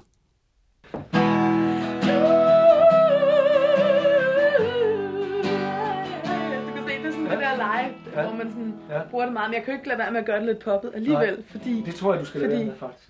Okay. Så, så, så, hvis det er opera, så skal det være opera, ikke? Ja. Og øh, så er det poppet, det, hvis, øh, hvis, hvis det ender med, at, at det bliver en duet, ikke, så skal jeg nok, mm. så laver jeg det poppet, eller det, som hører hjemme i den Mhm. verden. Ikke? Mm-hmm. Det, er jo- det, øh, eksperimentet går ud på at blande, om Ja. man kan lave det, om det bliver, det viser sig måske, at det bliver patetisk, ikke? og så må Ja. vi øh, finde på noget andet. Okay. Og så sker der det spændende, at hun synger en selvstændig melodi, og vi får simpelthen lov til at overvære det øjeblik, hvor Steffen Brandt får ideen til, at lige præcis det skal være sangens udtryk. okay.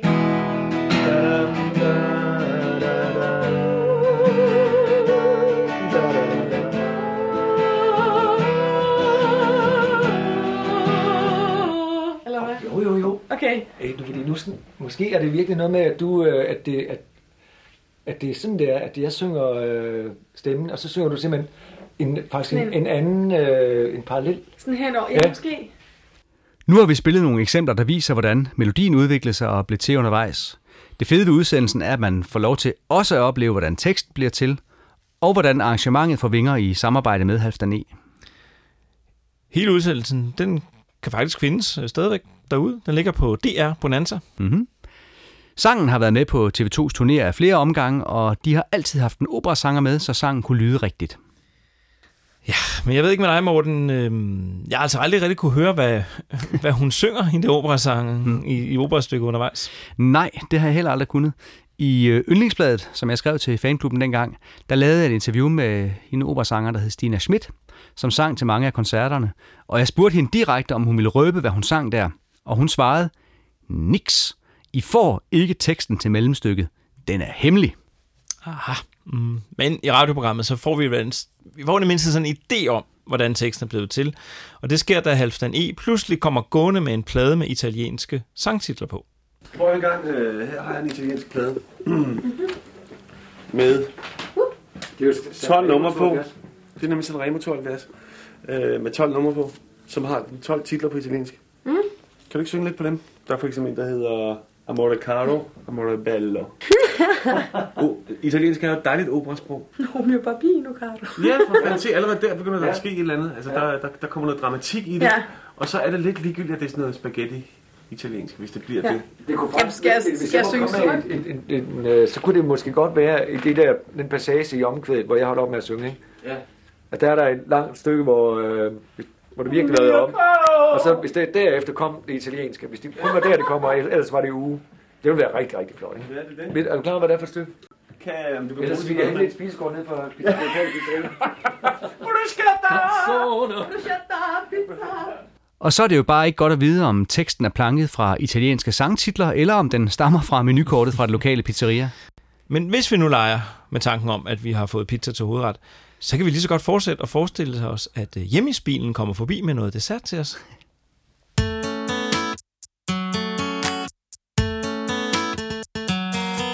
De grinede, da han kom til verden. Læreren hen i skolen rystede på hovedet. Da han lagde sin prinsesse på ærten, lod hun sig ikke mærke med noget. Og vi spurgte hinanden, hvad skal det ende med? Selv var han ikke i tvivl om svaret. Han skulle ud og erobre sit liv. Da den sidste eksamen var klar, stak han til søs med det første skib. Og vi spurgte hinanden, hvad skal de ende med?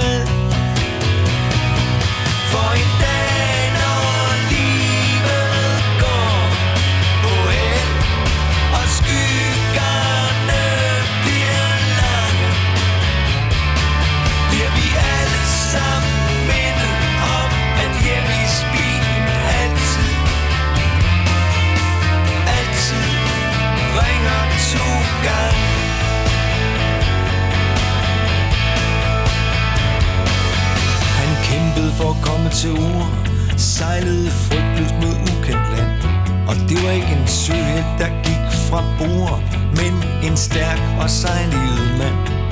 Og vi spurgte hinanden, hvad skal det ende med? Lykken kom susende tilbage. Hver gang han kastede den væk Og uanset hvad folk de sagde Så vandt han altid det sidste træk. Og vi spurgte hinanden, hvad skal det ende med?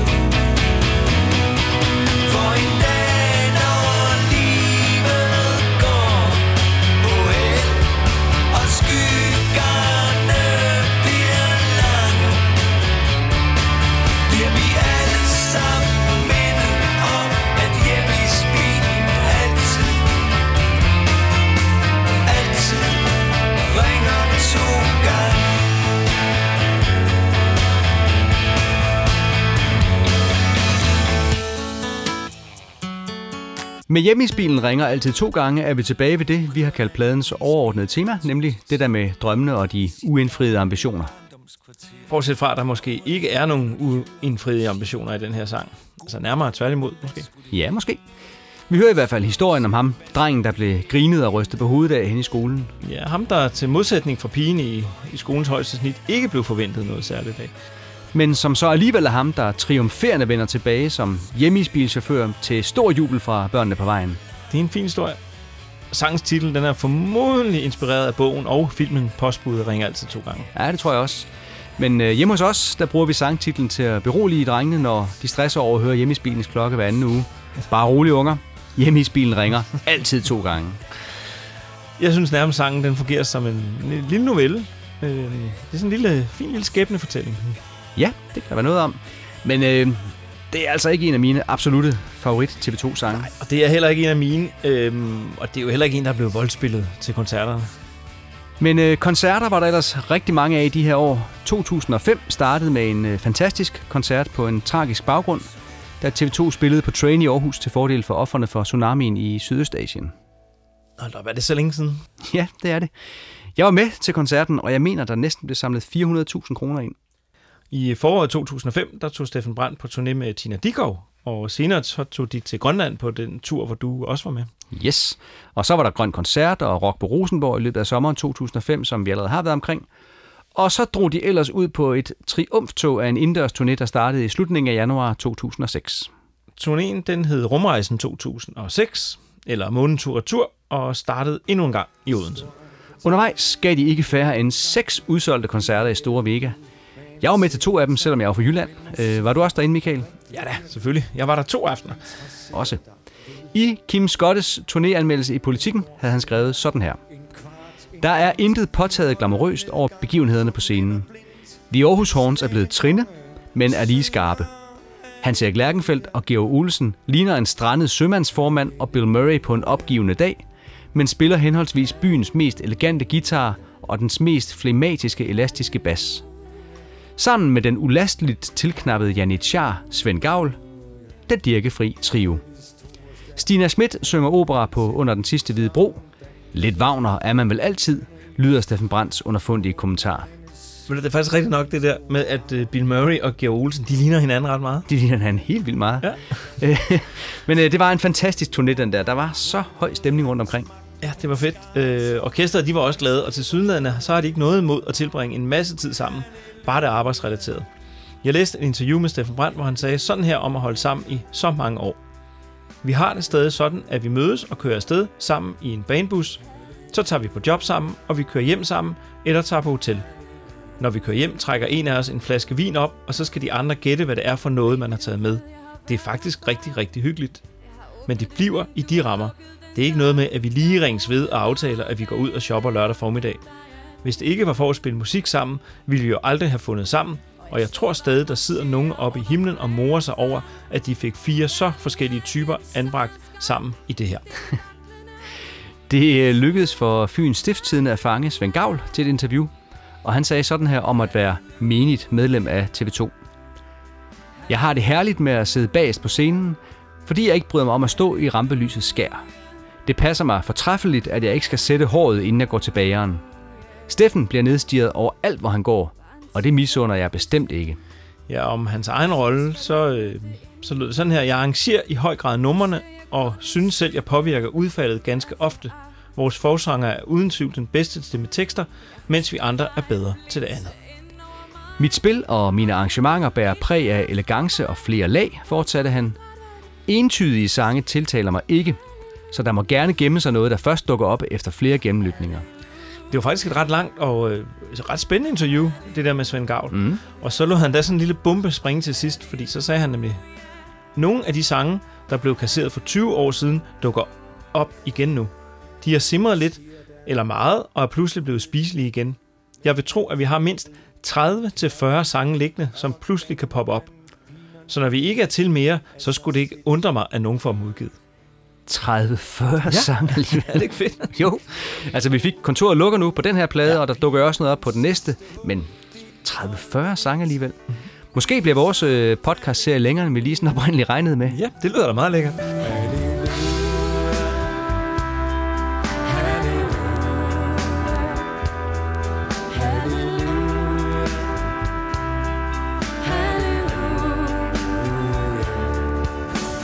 Skal vi øh, få hørt pladens sidste sang?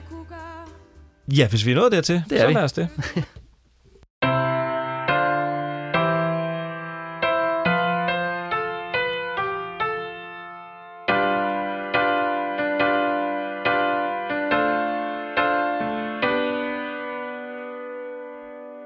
Jeg tænkte, når men det Så livet partout Hårdt spændt op mod regn og slug Skramle slidt, men sejt Og ubetinget nu. Sådan ser det altså ud. Hvis du nu kunne se mig Som dengang jeg var der Gad videre hvad du ville se. Du ryster lidt på hovedet. Skulle det nu være noget Det er bare et helt almindeligt liv. Velklædt, tjekket og cool. Mere bly end egentlig fri. Klar og sikker i min sag Tramper jeg hissigt afsted Lad mig lige komme forbi. Vi ses en alt for stille søndag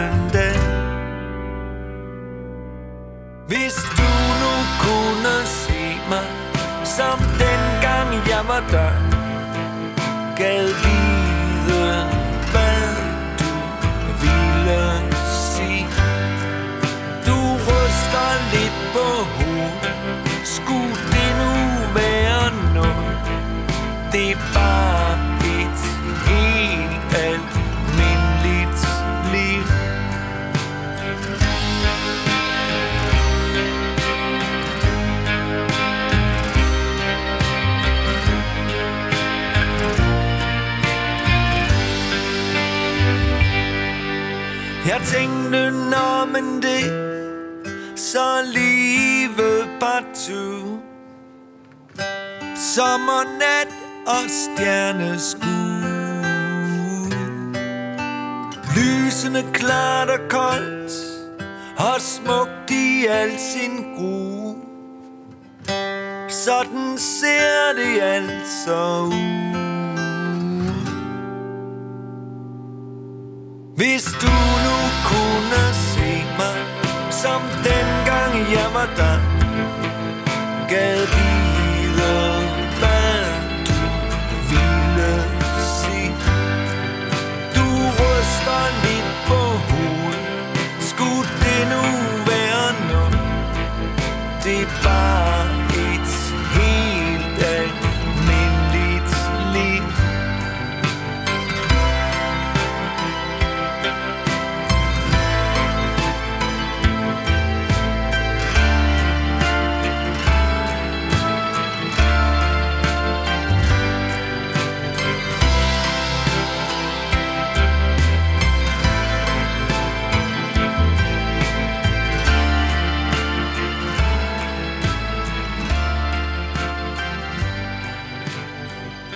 Kan du huske, at jeg indførte en øh, Kyste Nu-liste for et par episoder siden? Øh, ja, det kan jeg godt. Skal den her sang med på den, tænker du? Ja, den, det er jo ligesom nødt til. øhm, altså, nu er den fuldstændig genbruger den første linje. Jeg tænkte, nå, men det er så lige ved. Ja, og nu er det så part 2. Velkommen til anden del af livet. Midtvejs eftersynet er overstået, og nu er vi klar til at se, hvad der venter. Ja, og Steffen Brandt har her fået besøg af sig selv i en yngre udgave og filosoferer lidt over, hvad Steffen Brandt den yngre vil synes om Steffen Brandt den ældre. Lidt ældre. ja. Spændende tanke, synes jeg. Her lader han den yngre version sige, med en let hovedrysten, skulle det nu være noget? Det er bare et helt almindeligt liv. Og så er vi tilbage til det med drømmene og de uindfriede ambitioner. Øhm, og ligesom vi kan fortsætte diskussionen, som nogen har haft omkring øh, Herlev, det er skønt. Øhm, er der rent faktisk noget i vejen med sådan et helt almindeligt liv? Og, og har vi egentlig andre valg? Har du øh, nogensinde tænkt over, hvad du ville sige til dit yngre jeg, hvis I mødtes? Eller hvad dit yngre jeg ville sige, hvis han så dig? Åh, øh, altså, jeg tror, jeg vil, øh, jeg tror, jeg vil berolige mit yngre jeg med, at øh, TV2 stadig var still going strong, når, Ja. når jeg blev gammel nok til at blive velkommen i ældresagen. øh, og mit yngre jeg vil nok sige til mit ældre jeg, øh, det er utrolig godt gået.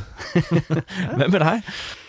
Jamen, øh, jeg tror noget af det, jeg ville sige til Morten den Yngre, det var nok noget i retning af slap dig af, mand, eller skriv en sang. Og, og også, at Steffen Brandt havde ret i det der med, at chancen med det rigtige smide i sit hår, hun dukker helt sikkert op af sig selv om nogle år. Øh, men jeg tror da egentlig, at ham den yngre ville sige noget om, at øh, det der liv, tja, sådan ser det altså ud, og det er fint nok. Selvom det både er krøllet, sammenbit og gennemblødt. Selve sangen her, den er hverken krøllet eller gennemblødt.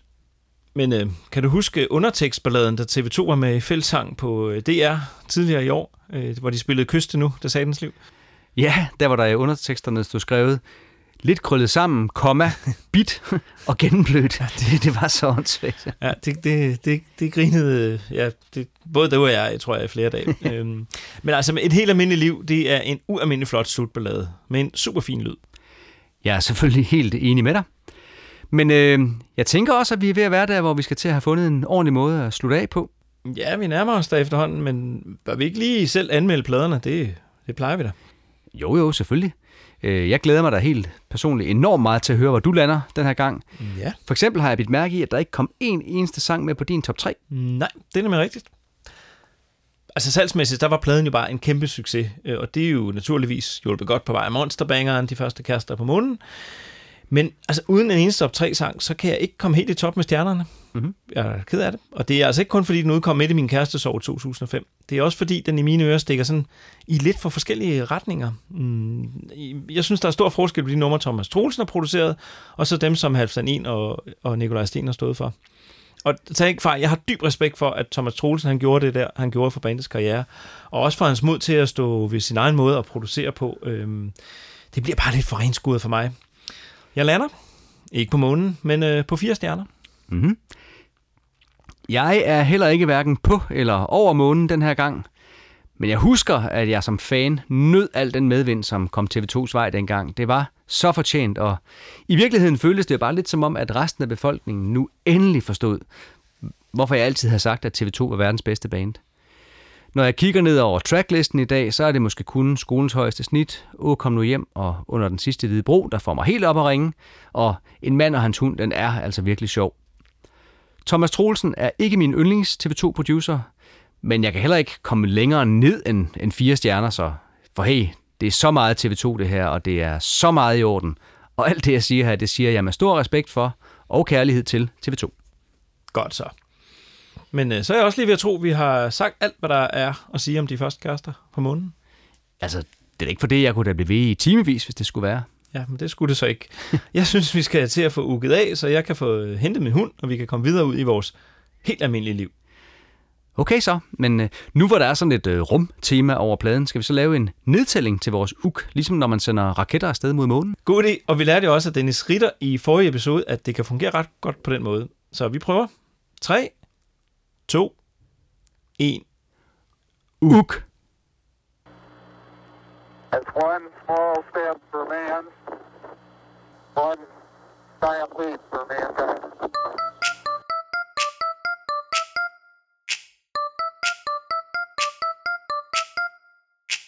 Vi taler kun om TV2 oh, oh. Babadabadabab. De er gode